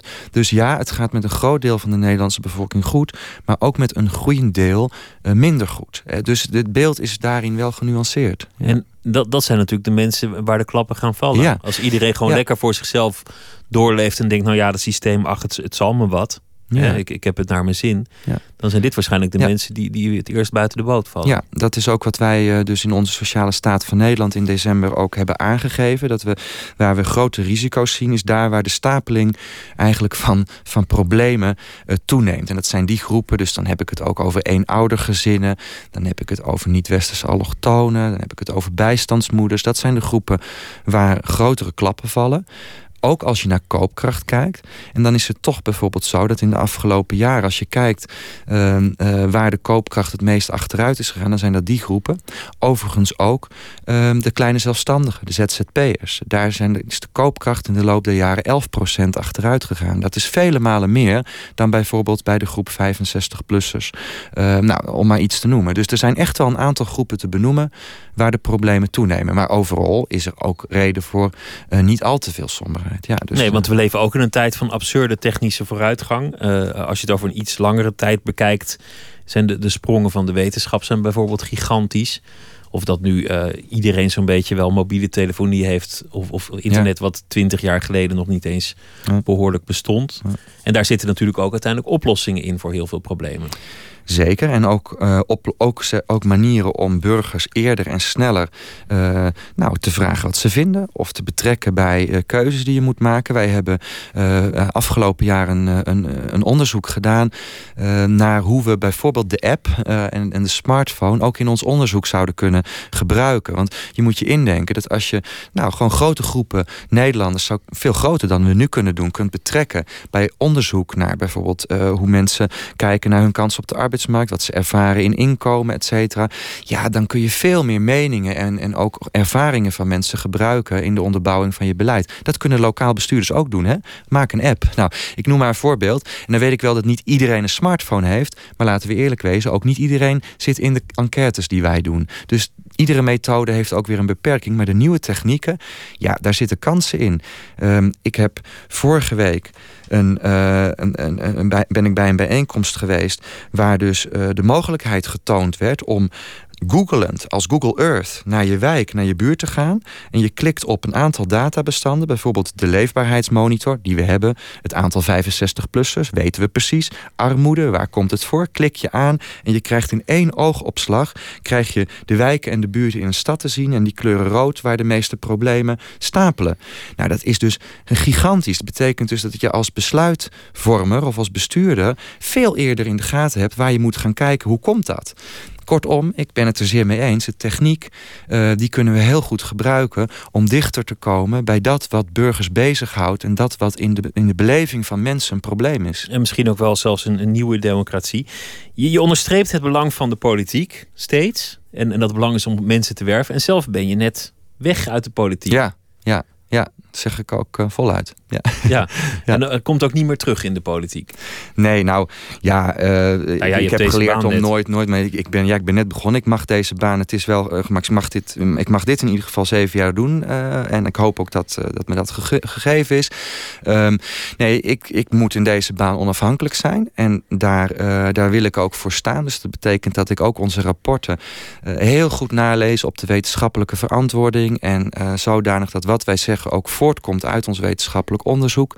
Um, en het is aan de politiek om iets met die feiten te doen. En dat is niet aan mij. En daar, uh, daar zal ik mij uh, ook in die zin uh, niet in mengen. Maar ik probeer wel duidelijk te maken hoe het ervoor staat. En een beetje wat de thermometer van de samenleving is. Hoe Nederlanders het ook voelen. Dat is mijn taak nu. Ja. Dankjewel, Kim Putters. En veel succes met, met de baan en alles wat er gaat veranderen. Dankjewel. Bedankt. We gaan verder met uh, een plaat van C6 Steve. Ook weer redelijk toepasselijk. Happy Man.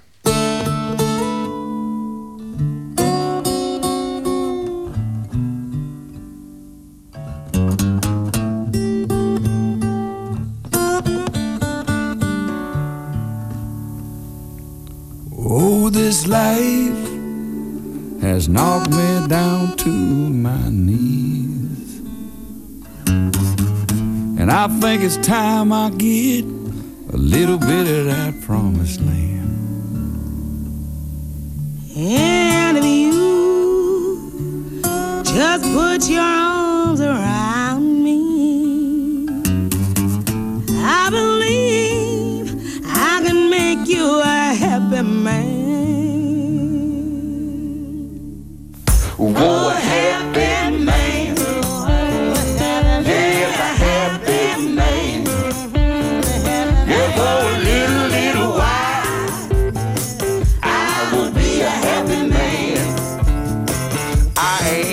For much.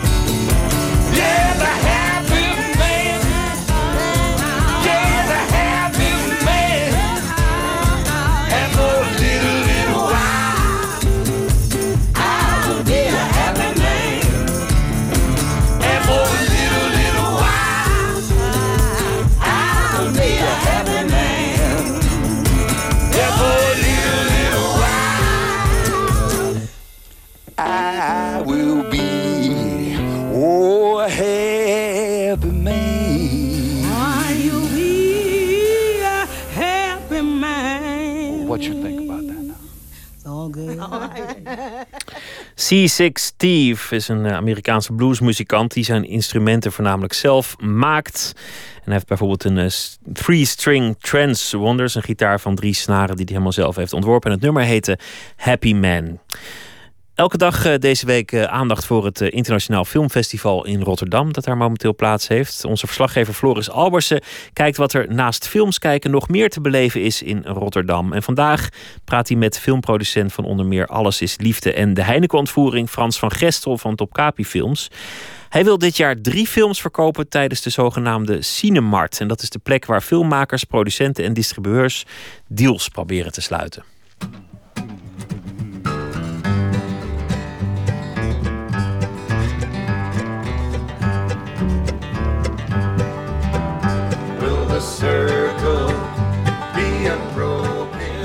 Muziek van The Broken Circle Breakdown. Want vorige week donderdag is bekend geworden, gefeliciteerd, dat, er, dat jullie genomineerd zijn eh, met een Oscar als producent, Frans van Gestel. Ja, dat is natuurlijk fantastisch nieuws. En dat maakt het ook uh, de komende maand spannend, maar ook erg prettig. Want ik ga zowel in Rotterdam als tijdens het uh, Filmfestival Berlijn natuurlijk zaken doen voor nieuwe films. En met een Oscar-nominatie in je achterzak, dan ja, gaat het allemaal net iets makkelijker. Ja, want daar wil ik het over hebben met je. In Rotterdam, dat filmfestival wat gisteren begonnen is, um, is de Cinemart. En daar gaan filmproducenten, distributeurs, mensen gaan daar met elkaar in gesprek om deals te sluiten. Dat ga jij ook weer doen dit jaar. En jij zegt, met die Oscar-nominatie op zak, is dat gewoon een stuk makkelijker. Uh, ja, de Cinemarkt is, is ook niet meer de enige, maar wel de eerste uh, filmmarkt in de wereld. Het is nu vaak gekopieerd door andere festivals. En er worden elk jaar uit duizenden inzendingen worden er 30 projecten geselecteerd. En de geselecteerde projecten de regisseur en de producenten van die zitten achter een tafeltje. En dan kan je op intekenen en daar nou, heb je een half uurtje met die mensen te praten om te kijken of je geïnteresseerd bent in zo'n project. Uh, wie kan er dan op intekenen? Dat zijn de distributeurs of zo? Uh, nou, degene die achter de tafel zitten, dat zijn de producenten en de regisseur. Dus dat zijn soms ook de scenarist, dat zijn de makers. En degene die, die voor zo'n gesprek kunnen intekenen, dat kunnen andere producenten zijn. Die willen co-produceren. Dus dat zijn producenten uit andere landen die met hun fondsen of financiers willen meedoen. Het kunnen distributeurs zijn, dus mensen die, bedrijven die die film in ander dan het eigen territorium willen uitbrengen.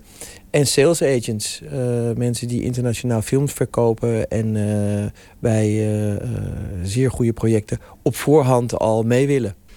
Dus het is eigenlijk één grote markt met, met, met 30 filmprojecten. En iedereen kan daarop intekenen van, hè, nou ja, we gaan samen een project starten. Daarvoor is het, is het filmfestival in Rotterdam dus ook bedoeld.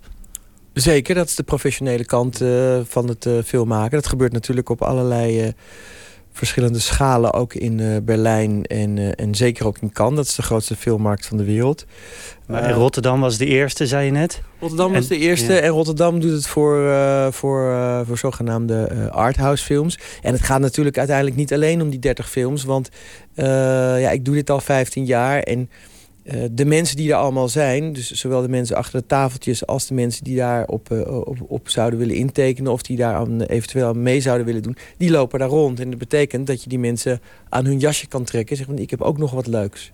Dus, dus de, dat zijn de zogenaamde wandelgangen. Jij moet het niet zozeer hebben. Jij gaat niet dit jaar achter een tafeltje zitten, maar je gaat wel proberen iets te verkopen uh, ja, tussen de bedrijven door. Ja, ik heb een uh, drietal uh, films in mijn achterzak. Drietal? Een drietal.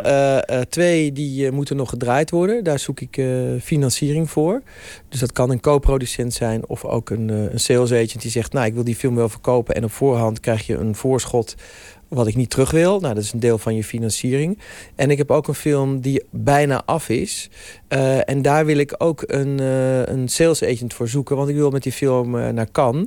En dan is het altijd goed om een heel goed iemand aan boord te hebben... die, die je partner in crime wordt, zeg maar. Dus je hebt al een film helemaal gedraaid. Ehm, die, die zit nu in de montage of zo. Die is bijna af. En nu zoek je nog iemand die hem eigenlijk gaat verkopen internationaal. Uh, ja, absoluut. Ja, die film is uh, qua beeld helemaal af. Die moet nog uh, qua geluid en, en kleurcorrectie en zo worden afgewerkt. Ik denk dat, er, dat die film heel interessant is om de wereld over te gaan. Maar ik zoek een partner die dat kan doen. Ja. Ik ben hartstikke benieuwd of het gaat lukken om die deal te sluiten op de Cinemart in, in Rotterdam. Um, zullen we nog maar even afsluiten dan met een stukje van de Broken Circle Breakdown als eerbetoon aan die Oscar-nominatie. Heel klein stukje dan. In the the sky,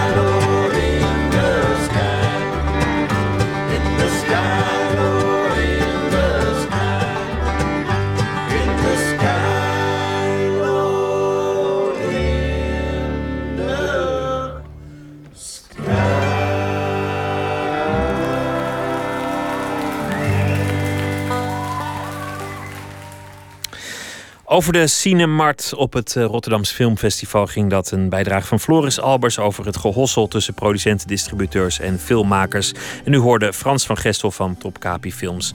Straks is Nooit meer slapen bij u terug. Een eh, verhaal van Daniel D., de stadsdichter van Rotterdam, krijgt u. En Twan Heijmans over zijn nieuwe roman Pristina. Zijn eerste boek werd eh, ineens een heel groot succes in Frankrijk. En we gaan het hebben over poëzie. U hoort een van de genomineerden voor de VSB Poëzieprijs, de belangrijkste poëzieprijs van Nederland. En schilder Klaas Gubbels, die vertelt over zijn stillevens. Hij is vooral gefascineerd door koffiepotten. En die zijn natuurlijk ook heel interessant. Dat hoort u eh, zometeen allemaal. Het e-mailadres is nooitmeerslapen.vpro.nl en we zitten ook op Twitter, @vpro_nms. Tot zometeen.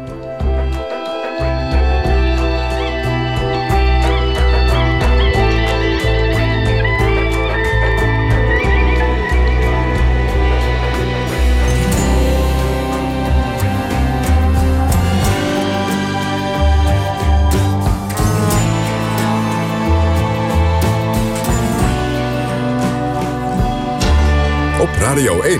Het nieuws van alle kanten.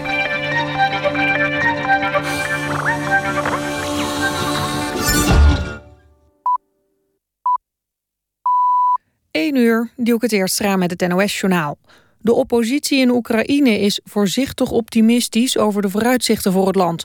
Volgens een van de oppositieleiders kan er een einde komen aan het geweld in Kiev. Dat zei hij na overleg met president Janukovic.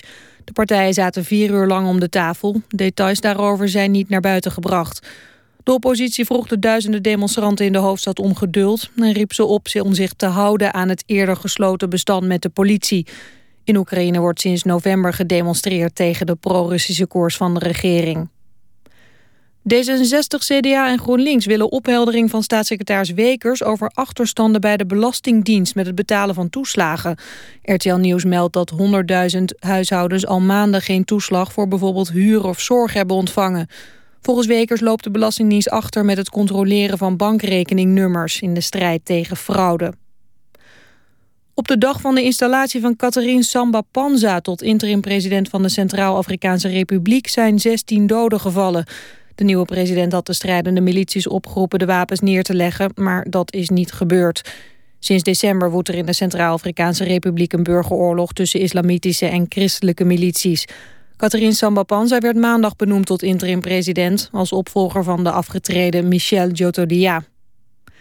De HEMA gaat onderzoeken of het in de jaren 70 en 80 producten heeft ingekocht die door Oost-Duitse dwangarbeiders zijn gemaakt.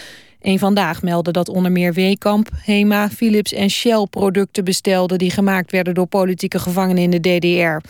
Dat zou blijken uit onderzoek van Stasi-archieven. De HEMA verwacht een moeizaam onderzoek omdat het bedrijf de afgelopen 40 jaar een aantal keer van eigenaar is veranderd.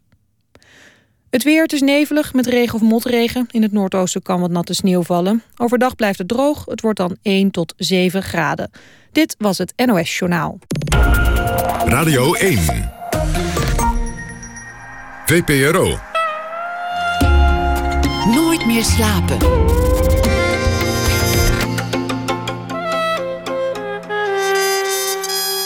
Met Pieter van der Wielen. Welkom terug bij Nooit meer slapen. Straks een gesprek met Twan Heijmans over zijn nieuwe boek Pristina. Zijn vorige boek Op Zee werd een uh, gigantische hit in Frankrijk en kreeg een uh, fantastische prijs daar. En uh, u hoort de genomineerde voor de VSB Poëzieprijs. Vanavond is dat Maria Barnas. En we gaan het ook hebben over koffiepotten. Want schilder Klaas Gubbels is daardoor gefascineerd en door andere dingen. Maar we beginnen met Daniel D. Hij is stadsdichter van Rotterdam, maar hij schrijft ook proza. En deze week schrijft hij elke avond voor ons een verhaal. En hij, is, uh, hij heeft een bundel, Monsterproof, en een novelle geschreven, De Zondige Daad. Goedenavond, uh, goeienacht, Daniel. Hallo. Waar gaat het uh, vandaag over? Ja, vandaag, uh, of eigenlijk gisteren, was het dat Salvador Dali alweer 25 jaar geleden overleed. Dus dat is mijn insteek geweest. Oh ja, want dat, dat eh, ja, is een mooi rond getal, dus daar is dan altijd even aandacht voor. 25 jaar dood. Precies, ja. Dus eigenlijk gaat het een beetje eh, over kunst. Nou, eh, ben benieuwd. Oké, eh, het heet Oor. Salvador Dali is alweer 25 jaar dood. Hij werd ook wel de Great Masturbator genoemd, omdat hij hield van gluren naar vrouwen. Hij schilderde smeltende klokken en zwevende oren. In het oor van Nelson Mandela zit een haas verborgen. Althans in het standbeeld van zijn beeltenis. Dali had dat vast kunnen waarderen. De haas verwijst naar de haastklus die de Zuid-Afrikaanse kunstenaars hadden. Mooier had het geweest als de haas had verwezen naar het Chinese dierenriemteken. Want hazen zijn getalenteerd en ambitieus. Hazen hebben een sterke behoefte aan rust en harmonie en zijn erg gevoelig voor hun omgeving en hazen worden bewonderd en vertrouwd. Maar Madiba is geen haas. Ik ben wel een haas. Ik ben echter geen standvastig persoon en al helemaal geen voorbeeld voor anderen. Het enige dat ik met hem gemeen heb, is de geboortegrond. En als peuter heb ik eens een knikker in mijn oor gepropt. Dat durfde ik in eerste instantie niet eens aan mijn moeder te vertellen. Dat was de enige keer dat ik iets in mijn oor propte. Verder bezit ik geen dwangmatige neiging om voorwerpen in lichaamsopeningen te steken. Ik vermoed dat Mandela dat evenmin had, maar zeker weten doe ik dat niet. Ik raak overigens niet opgewonden van oren. Ze doen me niet zoveel. Ondanks het feit dat oorlelletjes bij vrouwen een erogene zone kunnen zijn. Tussen mijn oren wemelt het dan weer wel van de vunzige gedachten. Gelukkig heb ik een geliefde die het liefst de hele dag naakt rondloopt. Ik snap dat wel. Jaarlijks sterven er honderden mensen tijdens het aankleden. Je kunt de goden dus maar beter niet verzoeken. En ik kijk er graag naar. Dat voyeurisme heb ik dan weer gemeen met Dali. Al probeer ik het zo min mogelijk stiekem te doen. Kijk, zo, dat je toch iets gemeen hebt met, eh, met grote mannen. Je, je geboortegrond, heb je die gemeen met, met Mandela? Eh, nou? ja, ik ga, ja, ja, ja, ja, ik ben ook eh, in Zuid-Afrika geboren. Oh, god, nou, dat, dat wist ik helemaal niet. Dat, eh, nou ja, dat, dat is nee, leuk. is ook verder niet van belang. maar- Nee, maar goed, ik, ik, ik, vond, ik, vond dat, eh, ik vond dat opmerkelijk. En eh, ja, ja, dat je als schilder een failleur bent, dat hoort natuurlijk ergens ook wel een, een beetje, toch? Want, want je, moet, je, moet, je, je moet toch een beetje met een blik naar de werkelijkheid kijken... die er niet al te geposeerd uitziet bij voorkeur. Daar, Ja, je daar, moet, zit, al, daar zit al een soort voyeurisme in. Ja, dat had Rembrandt op zijn manier ook al een beetje. Ja, precies. Al heeft hij natuurlijk minder, en dat weet ik eigenlijk niet eens zeker, maar ik, ik zou zeggen dat hij minder vrouwen heeft geschilderd. Ja, ik geloof wel iets, een badende, badende mooie vrouwen, dat dat, dat, dat, dat één doek was. Maar ook, ook wel veel naar zichzelf gekeken en, eh, en heel Ja. ernstig en zo. En eh, nou ja, zo doen. Heb je, heb je verder nog een, een diepe gedachte bij het, eh, bij het 25-jarig overlijden van, van de grote Salvador Dali? Nee, nee, eigenlijk niet. Nee, ja, het is gewoon een, een excentriek figuur geweest. En ja, dat vind ik wel geinig. Ja. Zulke mensen mogen er gewoon wel zijn. Zeker, ja, mocht er zijn. Dat, daar, heb je absoluut, Ja. eh, daar heb je absoluut gelijk in. En ehm, ik, ik zat ook te denken over, over wat je zegt over eh obsceniteit. Hè? Dat, dat mensen allemaal hun eigen perversiteit hebben. Dat, er wordt wel eens gezegd dat iedereen een perversiteit heeft. En, en dat in onze samenleving er eigenlijk op niks een grotere straf staat dan op perversiteit. Eh, ik weet eigenlijk niet of beide dingen waar zijn. Eh, Ik, ik ben bang dat de meeste mensen eh, toch een stuk saaier zijn dan, eh, dan, eh, waar, dan dat we erover zouden kunnen roddelen. Hè? Ja, maar dat wil niet zeggen dat ze niet pervers zijn in hun hoofd. Maar dat wil gewoon zeggen dat ze nooit de moed hebben gehad om hun perversiteit in praktijk te brengen. Ja, op zo'n manier, ja. Ja, dat is zonde. Maar de straf, is ook, de straf is ook heel groot. Want als, als aan het licht komt dat iemand steekpenningen heeft aanvaard. Of, of mensen heeft laten vermoorden. Dan, dan heeft dat nooit zoveel ophef als wanneer die betrapt wordt. midden in het plegen van een perversiteit. Zelfs als die onschuldig is. Ja, ja, toch wel typisch. Dan dan zijn we toch nog zo'n vrij en open land. En dat het dan toch nog gebeurt, hè? Ja, dus, dus ik eh, zou een lans willen breken voor. eh, voor ja, toch voor perversiteit ook een beetje. Dan misschien of misschien ook niet. Ach. Ja, nou, ik vind het wel een goed idee. Want ik zelf, eh, nu je dat zo zegt... eh, kijk, ik, eh, ik ben er ook niet zo open in, denk ik. Kijk, ik heb een geliefde die dan graag naakt rondlopen. En daar kijk ik graag naar. Maar ik zelf zou dat nooit doen. Naakt rondlopen. Ik ben toch snel beschaamd. En ik denk toch heel snel van... wat zouden anderen er wel niet van denken? Ja, kan ik me ook wel voorstellen. Ja, ik ben nogal kouwelijk, maar dat is misschien... eh, ja, misschien is ik heb het ook over binnen hoor trouwens. Maar... Ja. nou, ik, ehm, tot morgenavond. Een, eh, een fijne dag en een goede nacht. En eh dank je wel, Daniel D. Graag gedaan. Ja, nog een mooie uitzending. Ja, dankjewel. Dag. Oké, hoi hoi. De naam Broken Twin, daarachter gaat eh, van alles schuil. Namelijk de Deense Maaike Vosse Romme. En dat is een vrouw die graag muzikale verhalen vertelt. En vorige week einde trad ze op in Nederland tijdens het Noorderslag-festival. En dit is een nieuw nummer van haar en dat heet Beaches. Oh, you can hear the sound of the sea, the colors of dust. You've come to the world is yours, to have and to hold, a rock in your head. See how it flows.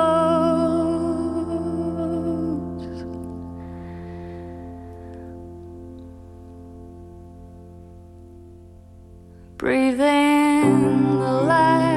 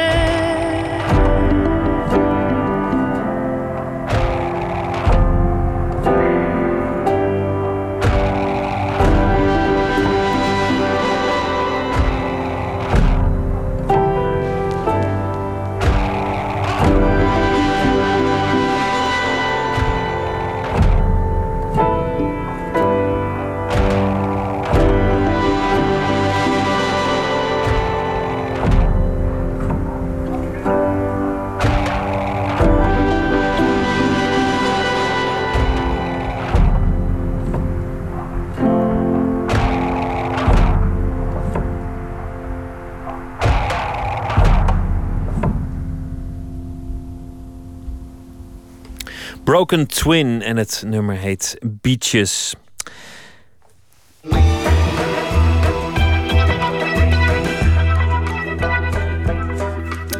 De week eh, begon mooi. U luistert trouwens naar Nooit meer slapen van de VPRO. De week begon mooi voor journalist en schrijver Twan Heijmans. Op maandag mocht hij met de koning en de president van Frankrijk aanschuiven voor lunch. De koning van Nederland en de president van Frankrijk. En dat kwam allemaal omdat hij de prestigieuze Franse literaire prijs had gewonnen voor zijn debuutroman Op Zee. En inmiddels, ook mooi voor het begin van de week, is zijn vervolgroman uit, Pristina. En dat is een verhaal over topambtenaar Albert, expert in het oplossen van moeilijke asielzaken. Hij wordt naar een ongenoemd eiland gestuurd om een verborgen vluchteling op te sporen en terug naar het land van herkomst te zenden. Verslaggever Maarten Westerveen trok Twan Heijmans met Twan Heijmans samen naar pretpark Duinrel, waar 's winters asielzoekers in de bungalows worden ondergebracht. Maar voor de poort moest nog even onderhandeld worden.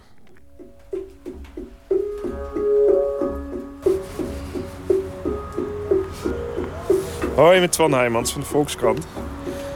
Oh, ik, heb, ik heb een vraagje, een merkwaardig vraagje. Ik ben, eh, ik- ben in eh, Duinrel met een eh, verslaggever van de VPO-radio. van het programma Nooit meer slapen, over boeken. Dat gaat over mijn nieuwe boek. Dus hij, hij wil mij interviewen over, mijn, over Pristina. En de vraag is of we heel even over het terrein mogen lopen... zonder verder mensen aan te spreken of iets, maar alleen maar om mij te interviewen. Eh, dus de beveiliging die vraagt of, eh, of, ik, of ik jou even kan bellen. Ja, de, oh, de COA-medewerker, sorry, ja.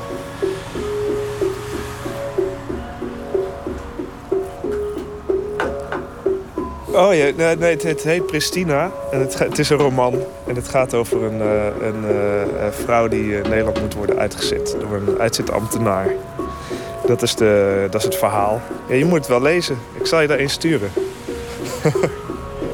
Oké, ja, ja, precies. Nee, maar ik zal, ja. Nee, maar het is, het is, een, het is echt een roman en het eh, radioprogramma gaat ook over, eh, over boeken. Dus vandaar. En we dachten, nou ja, het is, het zochten een mooie plek om dat even te doen. Vandaar dat we hier uitkwamen.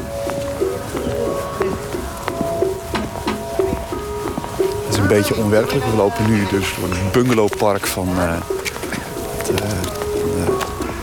attractiepark Duinrel. Dus, het ziet er heel erg, het ziet er heel erg eh, net uit. Alles ziet er keurig uit, klaar voor de toeristen. Maar overal om ons heen, we worden omsingeld door honderden nationaliteiten. Wat, wat is hier aan de hand? Dit noemen ze een opvanglocatie. Hè? Dit, eh, plekken waar ze asielzoekers onderbrengen in de afwachting van hun eh, procedure. En eh, ik vind deze heel erg mooi. Want het is, het is eh, een bungalowpark in Duinrel en eh, in Wassenaar. Eh, en we zijn net langs de huizen gelopen waar, eh, waar gewoon toeristen in zitten. Van eh, de Holiday Camp en hoe heet die, bedrijven. En die komen dan een paar dagen naar Duinrel. om vakantie te vieren met een gezinnetje. En komen dan bij de supermarkt of bij de pinautomaat ook mensen uit Eritrea tegen. Die, ja, dit, hier, hier, hier komen twee werelden bij elkaar die, eh, die heel ver uit elkaar liggen. Het zijn echt andere planeten. Je hebt veel in dorpen, in Friesland en Groningen bijvoorbeeld ook gehad. En dan, kun je dan in een café zitten eh, van een dorpje. En dan eh, fietsen opeens vijf Afghanen langs op, op Friese heren fietsen. En ik vind het zo mooi om dat te zien. Het, het is zo, aan de ene kant is het heel logisch... en aan de andere kant is het ook heel onwerkelijk. Het boek begint eigenlijk als een soort klassieke 19e eeuwse roman... met een, een, een dappere ambtenaar die erop uit wordt gestuurd naar een ver gewest. Een eiland in dit geval, dat niet gespecificeerd wordt. En op dat eiland, daar is een vreemdeling die eigenlijk het land uit moet. Wie het is, hoe het verhaal precies zit, dat weet hij allemaal niet. Maar dit is een ambtenaar die vertrouwen heeft in zijn eigen kunnen... en nu erop uit wordt gestuurd door zijn minister om de klus te klaren. En die komt op een eiland aan en die mensen zijn weer voor hem vreemd. Zoals hij vreemd is voor hen. Waarom heb je die hele klassieke toon gekozen... om een toch zo'n heel erg 21e eeuws eh, verhaal te vertellen? Nou ja, voor- vooral omdat het een, eh, echt een lekker boek moest worden. Dus het is een roman en ik dacht van tevoren... eh, ik kan dit onderwerp wel, wel aansnijden. Maar dan moet het ook echt wel een roman. Het moet niet een, een half non-fictieboek worden. Eh, ja, en ik, ik hou van mooie, mooie verhalen. En, eh, ik vind dat de, dat de roman het ook wel mag hebben. Met een goed plot. En eh, fijne mensen. Nou ja, dus daarom ben ik zo daarmee begonnen. En, ja, het is een heel klassiek begin. Hij staat op de veerboot naar, in de richting van het eiland. Dat eigenlijk heel erg op Vlieland lijkt. En nou de eerste zin is ook hè, van hij komt daar aan en iedereen weet wie hij is. Terwijl hij, heeft het zelf niet door. Eh, maar iedereen weet natuurlijk eh, wie deze man is eh, die, die met de boot naar het eiland komt. En wat hij komt doen. Hè? Dat hij daar iemand weg komt halen.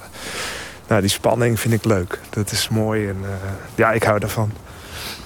Nou, dat, als je dat zo vertelt, dat betekent dat je op een gegeven moment naar dit onderwerp, waar je dus eh, eh, zoveel van weet, dat je naar dat onderwerp hebt gekeken en dat, dat heb je eigenlijk geabstraheerd. Hè? Je hebt het weggehaald van de, van de voorpagina's en van de, van de columns. En dan heb je opeens dus een soort grote lijn ingezien die zich dus ook voor een, een, tijdloos boek leent. Hoe zou je die grote lijn noemen?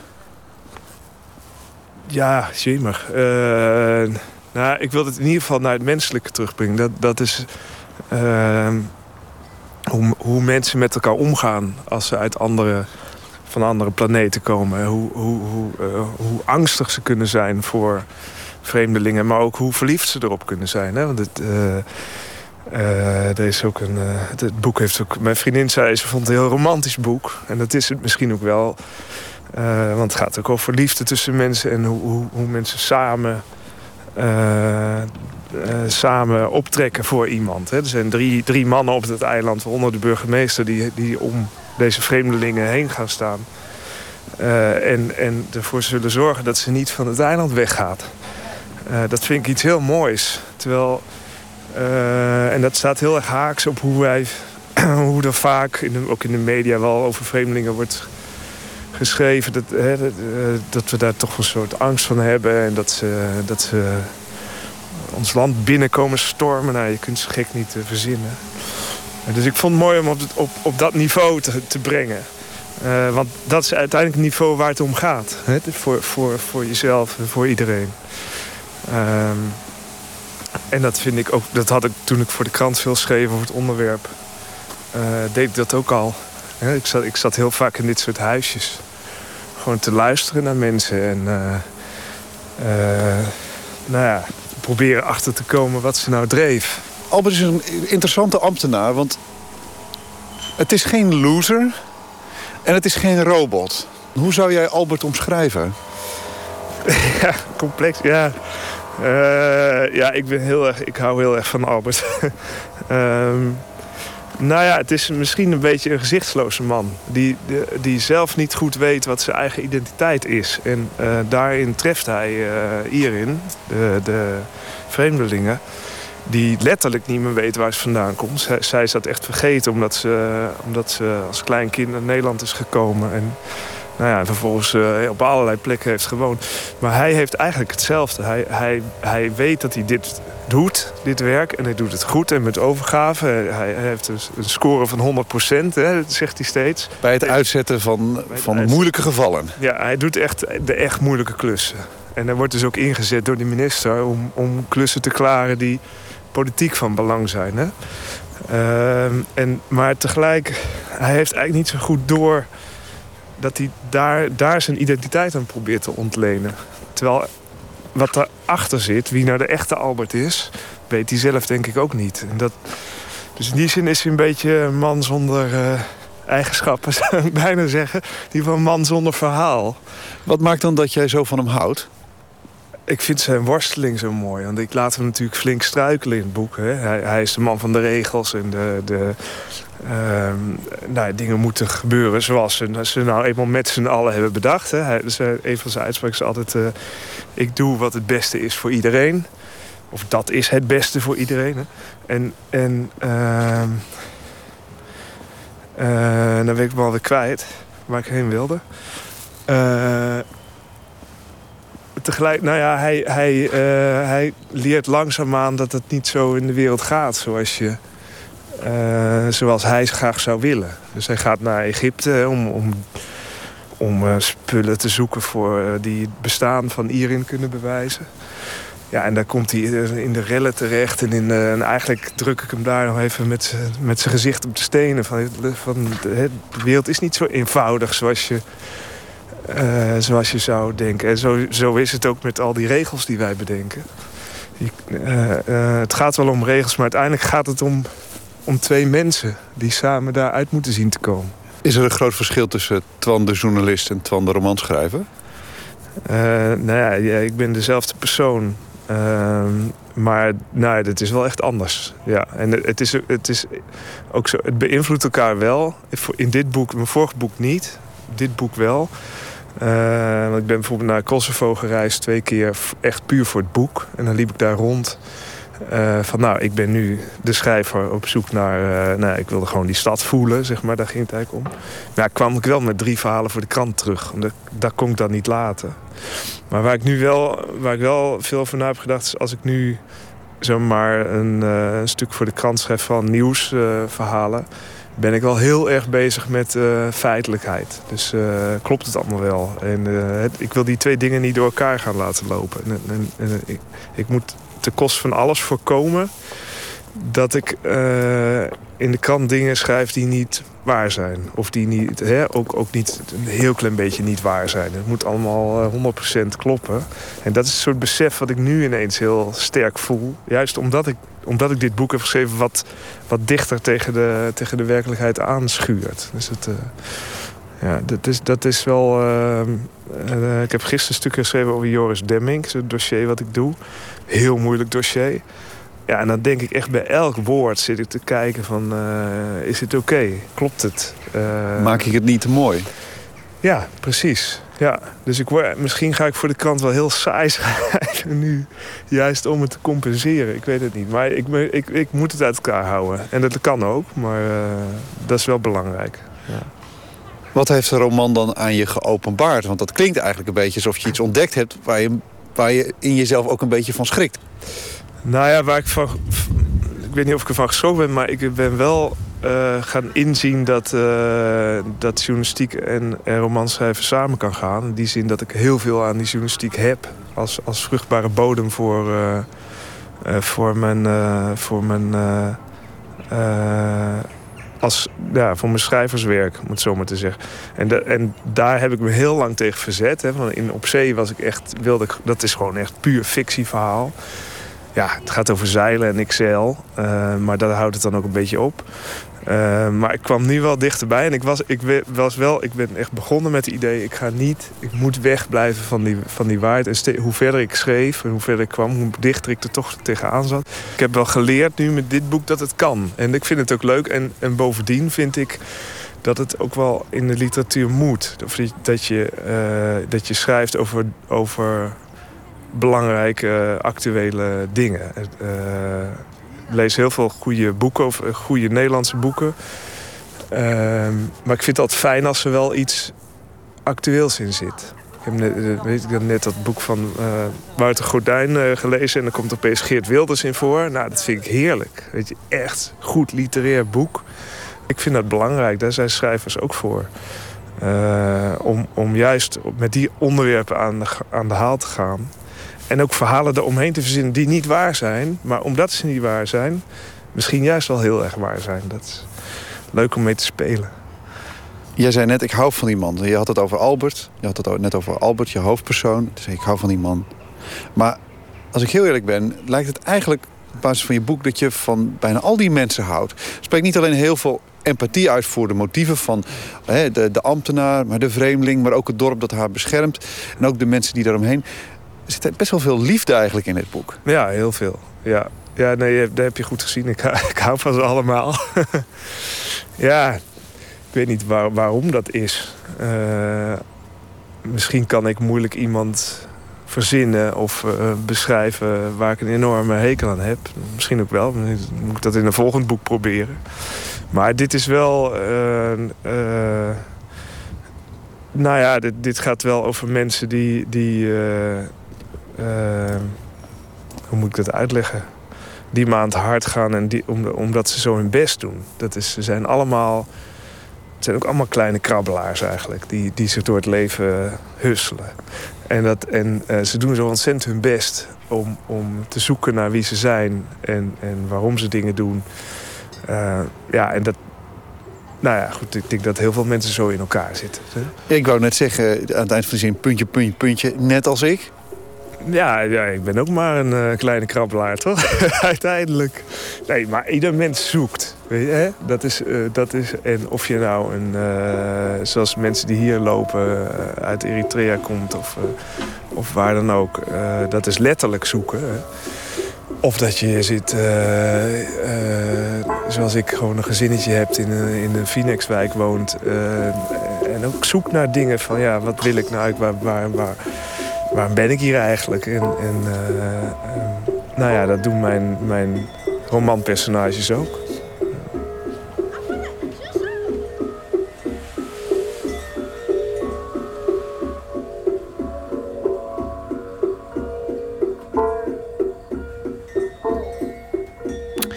U hoorde Twan, Hermans, Heijmans sorry, over zijn nieuwe roman Pristina. Die is verschenen bij Atlas Contact. Een beetje soul en een beetje blues en een beetje rockmuziek. Het is eigenlijk alsof je het eh, DNA van James Brown met dat van Howling Wolf in een reageerbaar zou stoppen en kijken wat eruit komt. Nou, wat er dan uit zou komen is zoiets als de Texaan Black Joe Lewis samen met de Honey Bears. En dit nummer heet I'm Broke.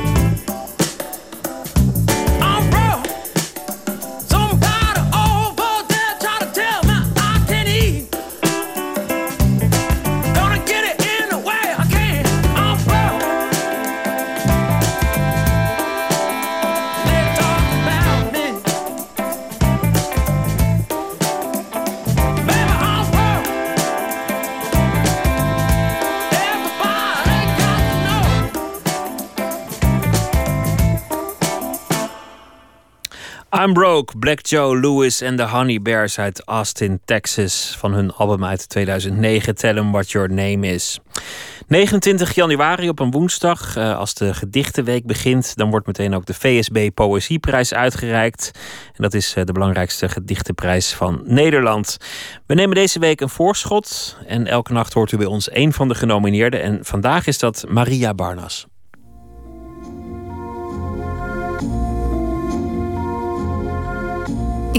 Heb wel eigenlijk al zo lang ik een potlood vast kon houden, eh, woorden willen opschrijven. Ik heb zelfs voordat ik het alfabet leerde gedaan alsof ik woorden schreef. En da- daar ligt voor mij toch wel de basis.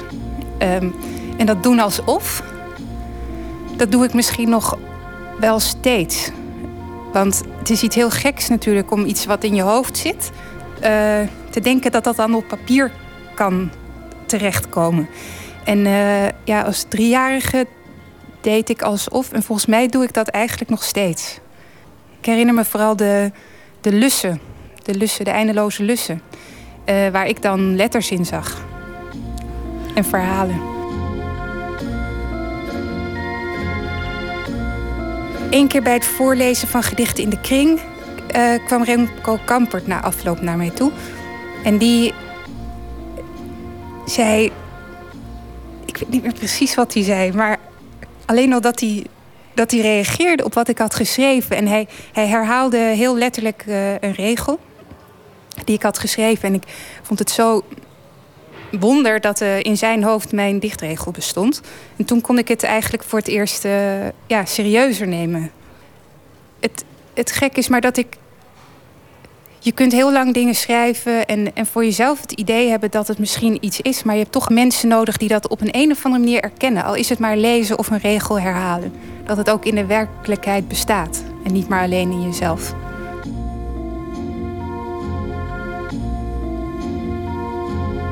het compliment dat mij het meest heeft geraakt. Ehm, in het eh, juryrapport van de Buddingprijs eh, werd geformuleerd hoe mijn eh, poëzie zich tussen uitersten beweegt. Eigenlijk in een paar zinnen. Ehm, het ging over eh, melancholie en humor.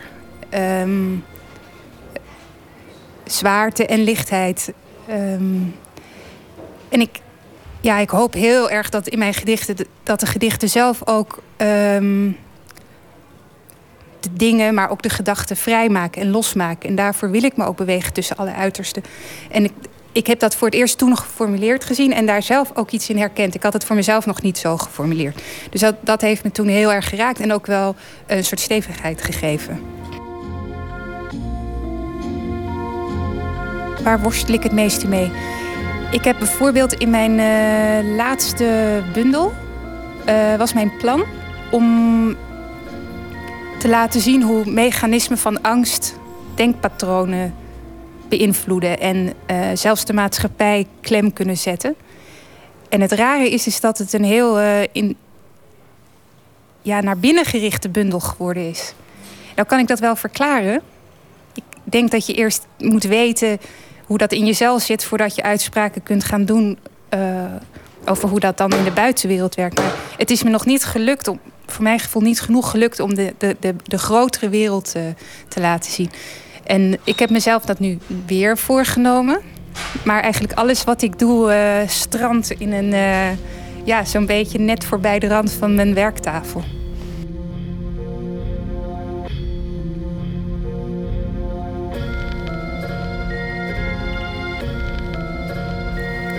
Waar ik redelijk tevreden mee ben, zeg maar, ten opzichte van de eerdere bundels, is ehm, ja, misschien toch vanuit die poging om, om eh, meer dan mijzelf en mijn, mijn me- meest directe omgeving te beschrijven, dat er meer dan ooit verschillende perspectieven eh, zichtbaar zijn geworden.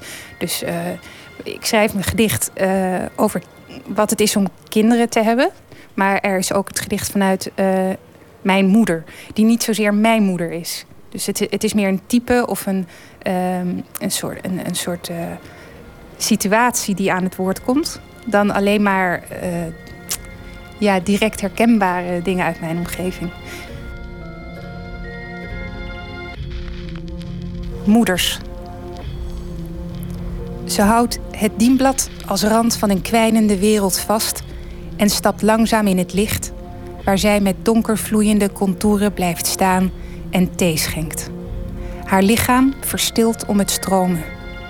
Ik kijk, zij kijkt me aan, recht in een oog dat zich onmiddellijk terugtrekt.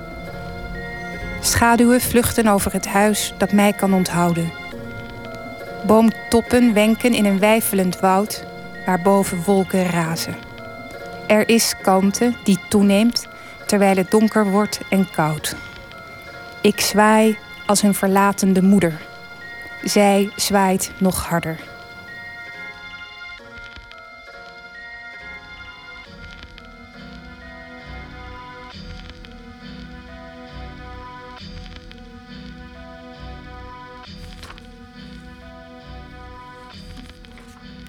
Maria Barnas hoorde u een van de genomineerden voor de VSB Poëzieprijs.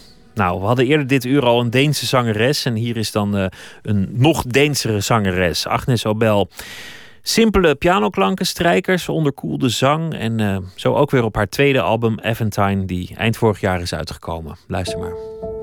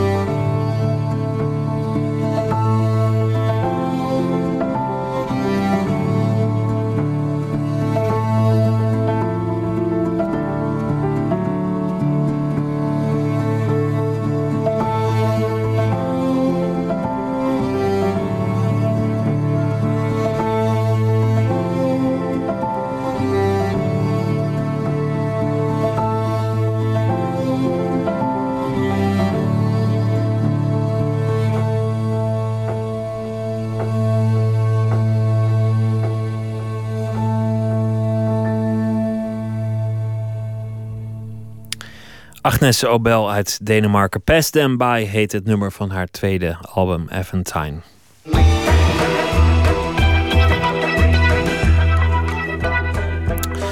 U luistert naar Radio 1, Nooit meer slapen, de VPRO. Klaas Gubbels schildert stillevens. En niet zomaar stillevens, maar voornamelijk koffiepotten. Heel erg veel koffiepotten. En af en toe ook kopjes of trechters op wiebelige tafeltjes. Kortom, simpele dingen en dat al 55 jaar consequent. En de afgelopen vier jaar werkte Gubbels aan een serie die hij zelf noemde Super saaie stillevens. En afgelopen weekende werd hij 80 jaar oud. Onze verslaggever Emmy Colau zocht hem op in het atelier. En vroeg hem of het niet gaat vervelen. Altijd maar eh, koffiekopjes en andere saaie dingen. En wat hem toch beweegt om zo stug door te gaan. Wat een ontzettend mooie plek dit hier, hè? Ja, daar heb ik echt stom geluk mee gehad. Ik heb het wel eens verteld, maar eh, vroeger, voor jouw tijd, werd er altijd gelift. Je had geen rode cent. En ik zat in Arnhem op school. Ik kwam van gescheiden ouders. Mijn tweede vader woonde in Arnhem. En daardoor kreeg ik de mogelijkheid om naar de academie te gaan. Dus ik kwam hier altijd, ik lifte altijd. Omdat de weekends ging ik naar mijn vrienden in Rotterdam. En dan kwam ik altijd hier langs. En ik was ontzettend verlegen. Plus dat ik een eh, spraakgebrek had. Ik stond, dat heette het toen hak-hakkelen. En eh, kwam ik hier altijd langs. Ik dacht, jee, je zal hier toch je atelier hebben. Een soort koetshuis is het toch? Ja, het is een koetshuis. Midden, ja, hieromheen zie ik bossen en weilanden. Ja, ja. Grote Het is landgoed van Van Limburg Stieren. Maar het is een aardig verhaal. Want ik dacht, ja, als ik niks doe, gebeurt er niks. Dus tegen mijn karakter in ben ik hier naartoe gegaan. Ik zei, ja, is hier misschien iets te huur voor een atelier? Bij die boer, toen zei die boer, nee, moet je bij de boswachter zijn. Ik naar het hoekje daar, boswachterij, ik naar de boswachter. Die stond zich te scheren.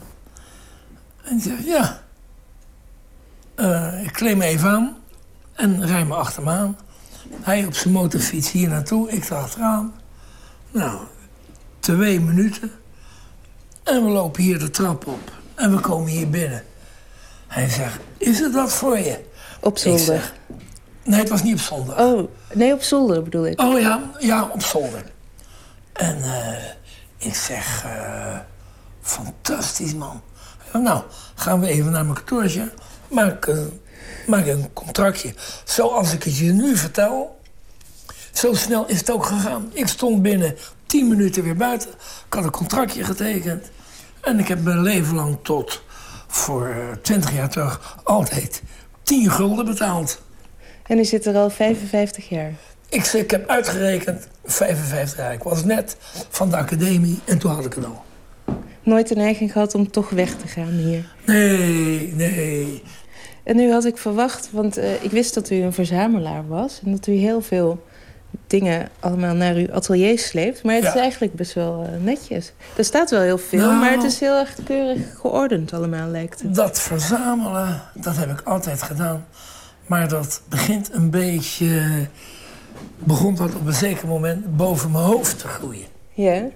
Dus het enige wat ik nog verzamel, omdat je dat nooit kan krijgen... als je even mee wil lopen, Ja? dat is... Dit glas, dat is een Lyonnais. Kijk, dat is een Lyonnais. Dat is een oude mosterdglas van voor de oorlog. Oh, ik zie eigenlijk een tamelijk normaal glas. Maar... Nee, het is met de hand gemaakt gegoten. Het is gegoten. En eh, die heb ik ook op een tekening gemaakt. Die laat ik je straks zien. En een soort bako, een Franse bako. Die in de Larousse staat. Dat is deze bako. Een bako? Dit is een bako. Kijk, dat is een kunstwerk. Ja. Een gedraaid handvat met een bek die je open draait en weer dicht draait. Zie je? Nou, zie je nooit meer. Gereedschap is het. Ge- ja, gereedschap. Wat, wat kun je hiermee? Schroeven losdraaien? Ja, schroeven, vastdraaien en losdraaien. U heeft er hier, denk ik, hoeveel zijn het er? 18? Oh, eh 1, 2, 3, 4, 5, 6, 7, 8, 9, 10, 11, 12, 13, 14, 17. En thuis heb ik er ook nog twee. Nee, 19 van die bambaco's. Oh, en sinds een half jaar heb ik ruimtes erbij. Oh ja, dus hier staan uw schilderijen. Kijk, Ik heb hier een rek getimmerd voor mijn schilderijen. Hier zit, zit- ik heb kasten getimmerd om mijn grafiek in te doen. Hier, zie je. En hier heb ik mijn kijkkamer. Dus als ik een schilderij gemaakt heb, hier zo. Oh ja, hier een andere deur door. Kijk, als ik een Ah. schilderij gemaakt heb, dan hang ik dat hier neer. Want ik moet altijd heel lang kijken wat er aan moet gebeuren. Dit is een soort, eh, ja, een soort mini-eigen galerie. Zoiets. Ja, maar dat is dan een galerie voor mezelf om te kijken, eh, ja, wat moet er wel en wat moet. En uit veel schilderijen kom je niet uit. Niet alles is klaar wat je hier ziet. Ik ben een beetje uitgeput van de laatste vier jaar van die stilleventjes die ik nu gemaakt heb. Dat was toch vermoeiend om zo van die, van die saaie stilleventjes, om daar iets van te maken. Die vind ik bijvoorbeeld niet consequent, die vind ik te makkelijk. Omdat ik er iets schuin heb ingezet. Dat schuine potje. Daarmee maakt u het spannender dan... Nee, onspannender. Onspannender. Minder spannend bedoel Minder ik. spannend. Kijk, als dat ook geel is, dit, kijk, dan is het een compleet leven. Dus, maar dat staat hier al drie kwart jaar. Dus ik doe er lang over. Maar u gaat dan hier op dit bankje zitten, stel ik me zo voor? Zo? Ja, ja, ga ik hier zitten en dan loop ik weer eens binnen en dan ga ik weer weg. Dit schilderijtje is af. Deze is af. Die bijna. Die is niet af. Die is niet af. Dus ik, eh, die, die twee zijn niet af. Maar deze Die bijvoorbeeld, wel. hier linksboven in rood. Ja, die is af. Een trechter en een kan. Ja. Waarom is die af dan? Oh. Ja. Kijk, ik kijk altijd of het consequent is. Kijk altijd of het consequent is. En, eh, en eh, soms heb ik geluk dat de esthetiek ermee samengaat. Dat het consequent is. Is dat een gevoel? Ja, ja, dat is een gevoel. Kijk, deze, waarom zie ik dat nu pas? Dat dat, want het staat hier al een tijd. Dat dat witte vlekje weg moet. Dat witte voorwerp. Dat moet weg. Maar ik zie het niet altijd. Ik zie het niet altijd. En wat bedoelt u met... eh, ik ben een beetje moe van de laatste vier jaar werken. Nou, als je alsmaar hetzelfde doet, alsmaar hetzelfde. Het is niet spiritueel. Ik wil bewust dat saaie dus zeg maar omdraaien. Dus dat het saaie iets is. Saaie iets is? Dat het saaie iets is, ja. Kijk, Ja. die is toch super saai. Maar doordat hij zo saai is, draait het om. Boekenkast hier.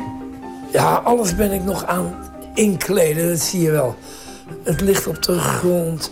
Opruimen is een vak apart.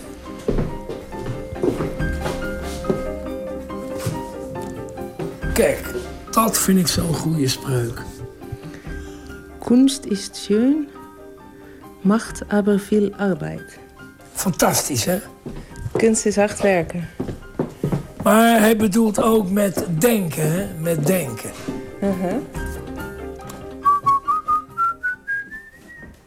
Nee, je, je, je, je maakt iets, zeg maar, om een lijn te trekken. Om een perceelstreek. En de ene perceelstreek is wel wat, en de andere pel- penseelstreek is niks. En zo moet je zien. Dus ik misbruik de stillevens om voor mij een stilleven te maken. Deze vind ik ook hartstikke goed.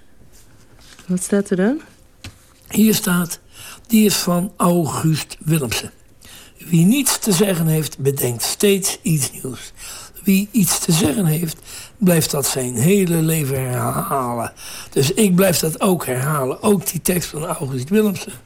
Die heb ik zomaar geconfiskeerd. Ja. Kijk. Dit is die serie. Dit fotootje. Dit hangt bijna allemaal in het Arnhems Gemeentemuseum. Ja, want eh, ik denk de meeste mensen kennen u van de eh eh, stillevens met koffiepotten... met die lange, sierlijke, S-vormige tuiten. Maar dit is anders, hè? Ja, dit is alleen maar... Dit is... Kijk, dit is een conserveblikje... met een kleiner conserveblikje erin, weliswaar verroest. En dit is een zinken trechter. Dus, zeg maar, ik gebruik die dingen, misschien nog beter, ik misbruik ze. Omdat je, ik gebruik ze niet illustratief. Die heb ik ook gebruikt. Dit is een andere vorm, zie je? Hier zit een klein tuitje aan. Ja. En met die trechter en het kopje staat ervoor. En kijk, hier zie je de attributen. Oh, dit zijn eh, de modellen. Dit zijn de modellen. Kijk, een blikje in een blik. Deze heb ik gebruikt en die heb ik gebruikt.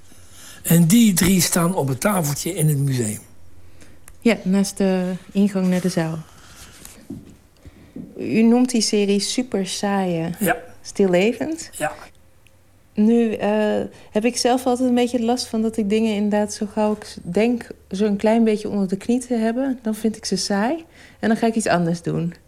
Maar u gaat steeds maar door Ja. met die stillevend. Ja.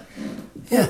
Hoe doet u dat? Hoe houdt u dat vol, die concentratie? Nou, dat is inderdaad doodvermoeiend. Ik, het niet schilderen is vermoeiender dan het wel schilderen. Het is doodvermoeiend. Kijk, ik wou kleur gebruiken en ik vond dat dat niet mocht. Dat mocht niet. Dus dat is dat Calvinisme wat in de Nederlandse mens zit. Dat niets overbodig. Niets overbodig. Kijk die koolmees. Fantastisch. Oh, wat een leuke koolmees. Kijk. Leuk, hè? Hey, ik kan van heel dicht bekijken hier. Ja, hij heeft niks in de gaten. Een collega van mij. En een zekere meneer Van Rijn... die heeft alsmaar portretten gemaakt. Rembrandt bedoel ik. En die, ja, en die werden steeds interessanter en steeds mooier. Of dat is het woord niet. Die kwamen steeds verder. Man, wat maakte die man een goede portretten. Dus die deed ook alsmaar hetzelfde. En is, dus dan betekent het dat, het dat het de drang is om steeds beter te worden? Ja, ik heb de capsones. Ik heb de capsones. Dat ik nog steeds iets nieuws maak. Ook al lijkt het sprekend op het vorige schilderij. Ik denk dat het steeds verder komt. En dat moet ook. Er moet wel steeds iets nieuws Ja, zijn. Ja. tuurlijk, tuurlijk. Een heilige plicht zie ik het. Ik zie het niet als een uitdaging. Ik zie het als een heilige plicht. Om door te gaan. Nou, om door te gaan, eh, om, om elk ding weer verder te brengen dan het vorige ding. Ja, precies. Ja. Dat, eh, dat, eh, ja. Dus u sloeg die weg in en toen moest het ook tot het uiterste. Ja, tot uiterste. En nou ga ik door. Dus ik, ik zeg wel tegen jou, ben benieuwd wat hierna komt. Maar misschien ga ik nog wel met hetzelfde door. Leert u wel elke keer weer iets nieuws? Nou, Uit niet die stillevens? Nee, ik vind je hebt geluk als je, als je één keer in de maand iets, eh, iets leert. Of leert, leert vind ik het goede woord niet. Dat je iets doet, iets doet wat je goed vindt. En dat is niet steeds iets nieuws dus? Nou ja, ja, dan is het iets nieuws. Bij mij is een, eh, een eh, verschuiving van een centimeter al iets nieuws. Een aardverschuiving. Ja, Ja. ja. Dat is eigenlijk wel mooi. Dus u... Het is wel eens een aardverschuiving, ja. Maar dan is het nooit saai eigenlijk. Het leven en, en het werk. Oh, nee, het is doodvermoeiend. Doodvermoeiend, maar niet saai. Nee, ik vind het leven helemaal niet saai. Ik vind het leven fantastisch dat ik dat kan doen. En dat ik nog steeds gepassioneerd ben. Heerlijk dat ik gepassioneerd ben.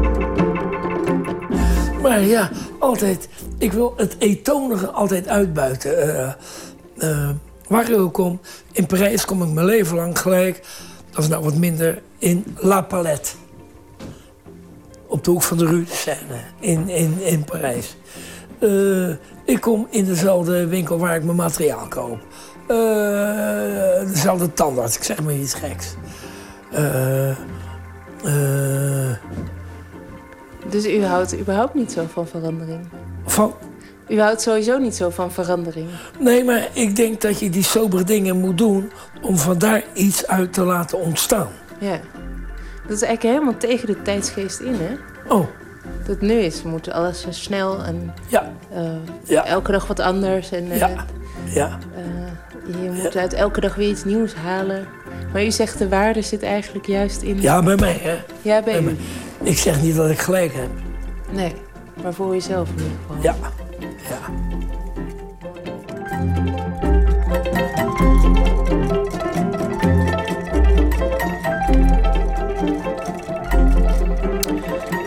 De super saaie stillevens van Klaas Gubbels die zijn eh, vanaf heden te zien in het Arnhems Museum voor de Moderne Kunst.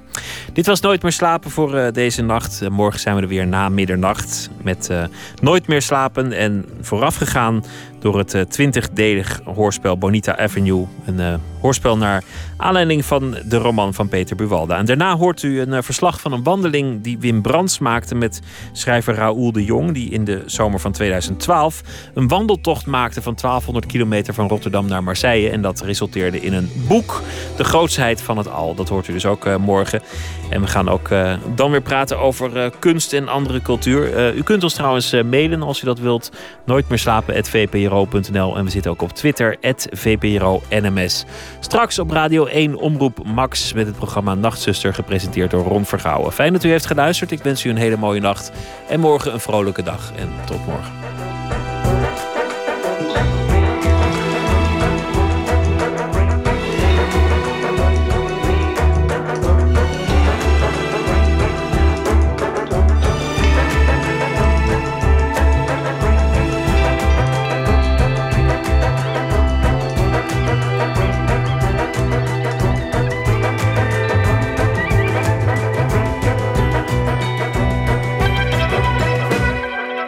Radio 1, het nieuws van alle kanten.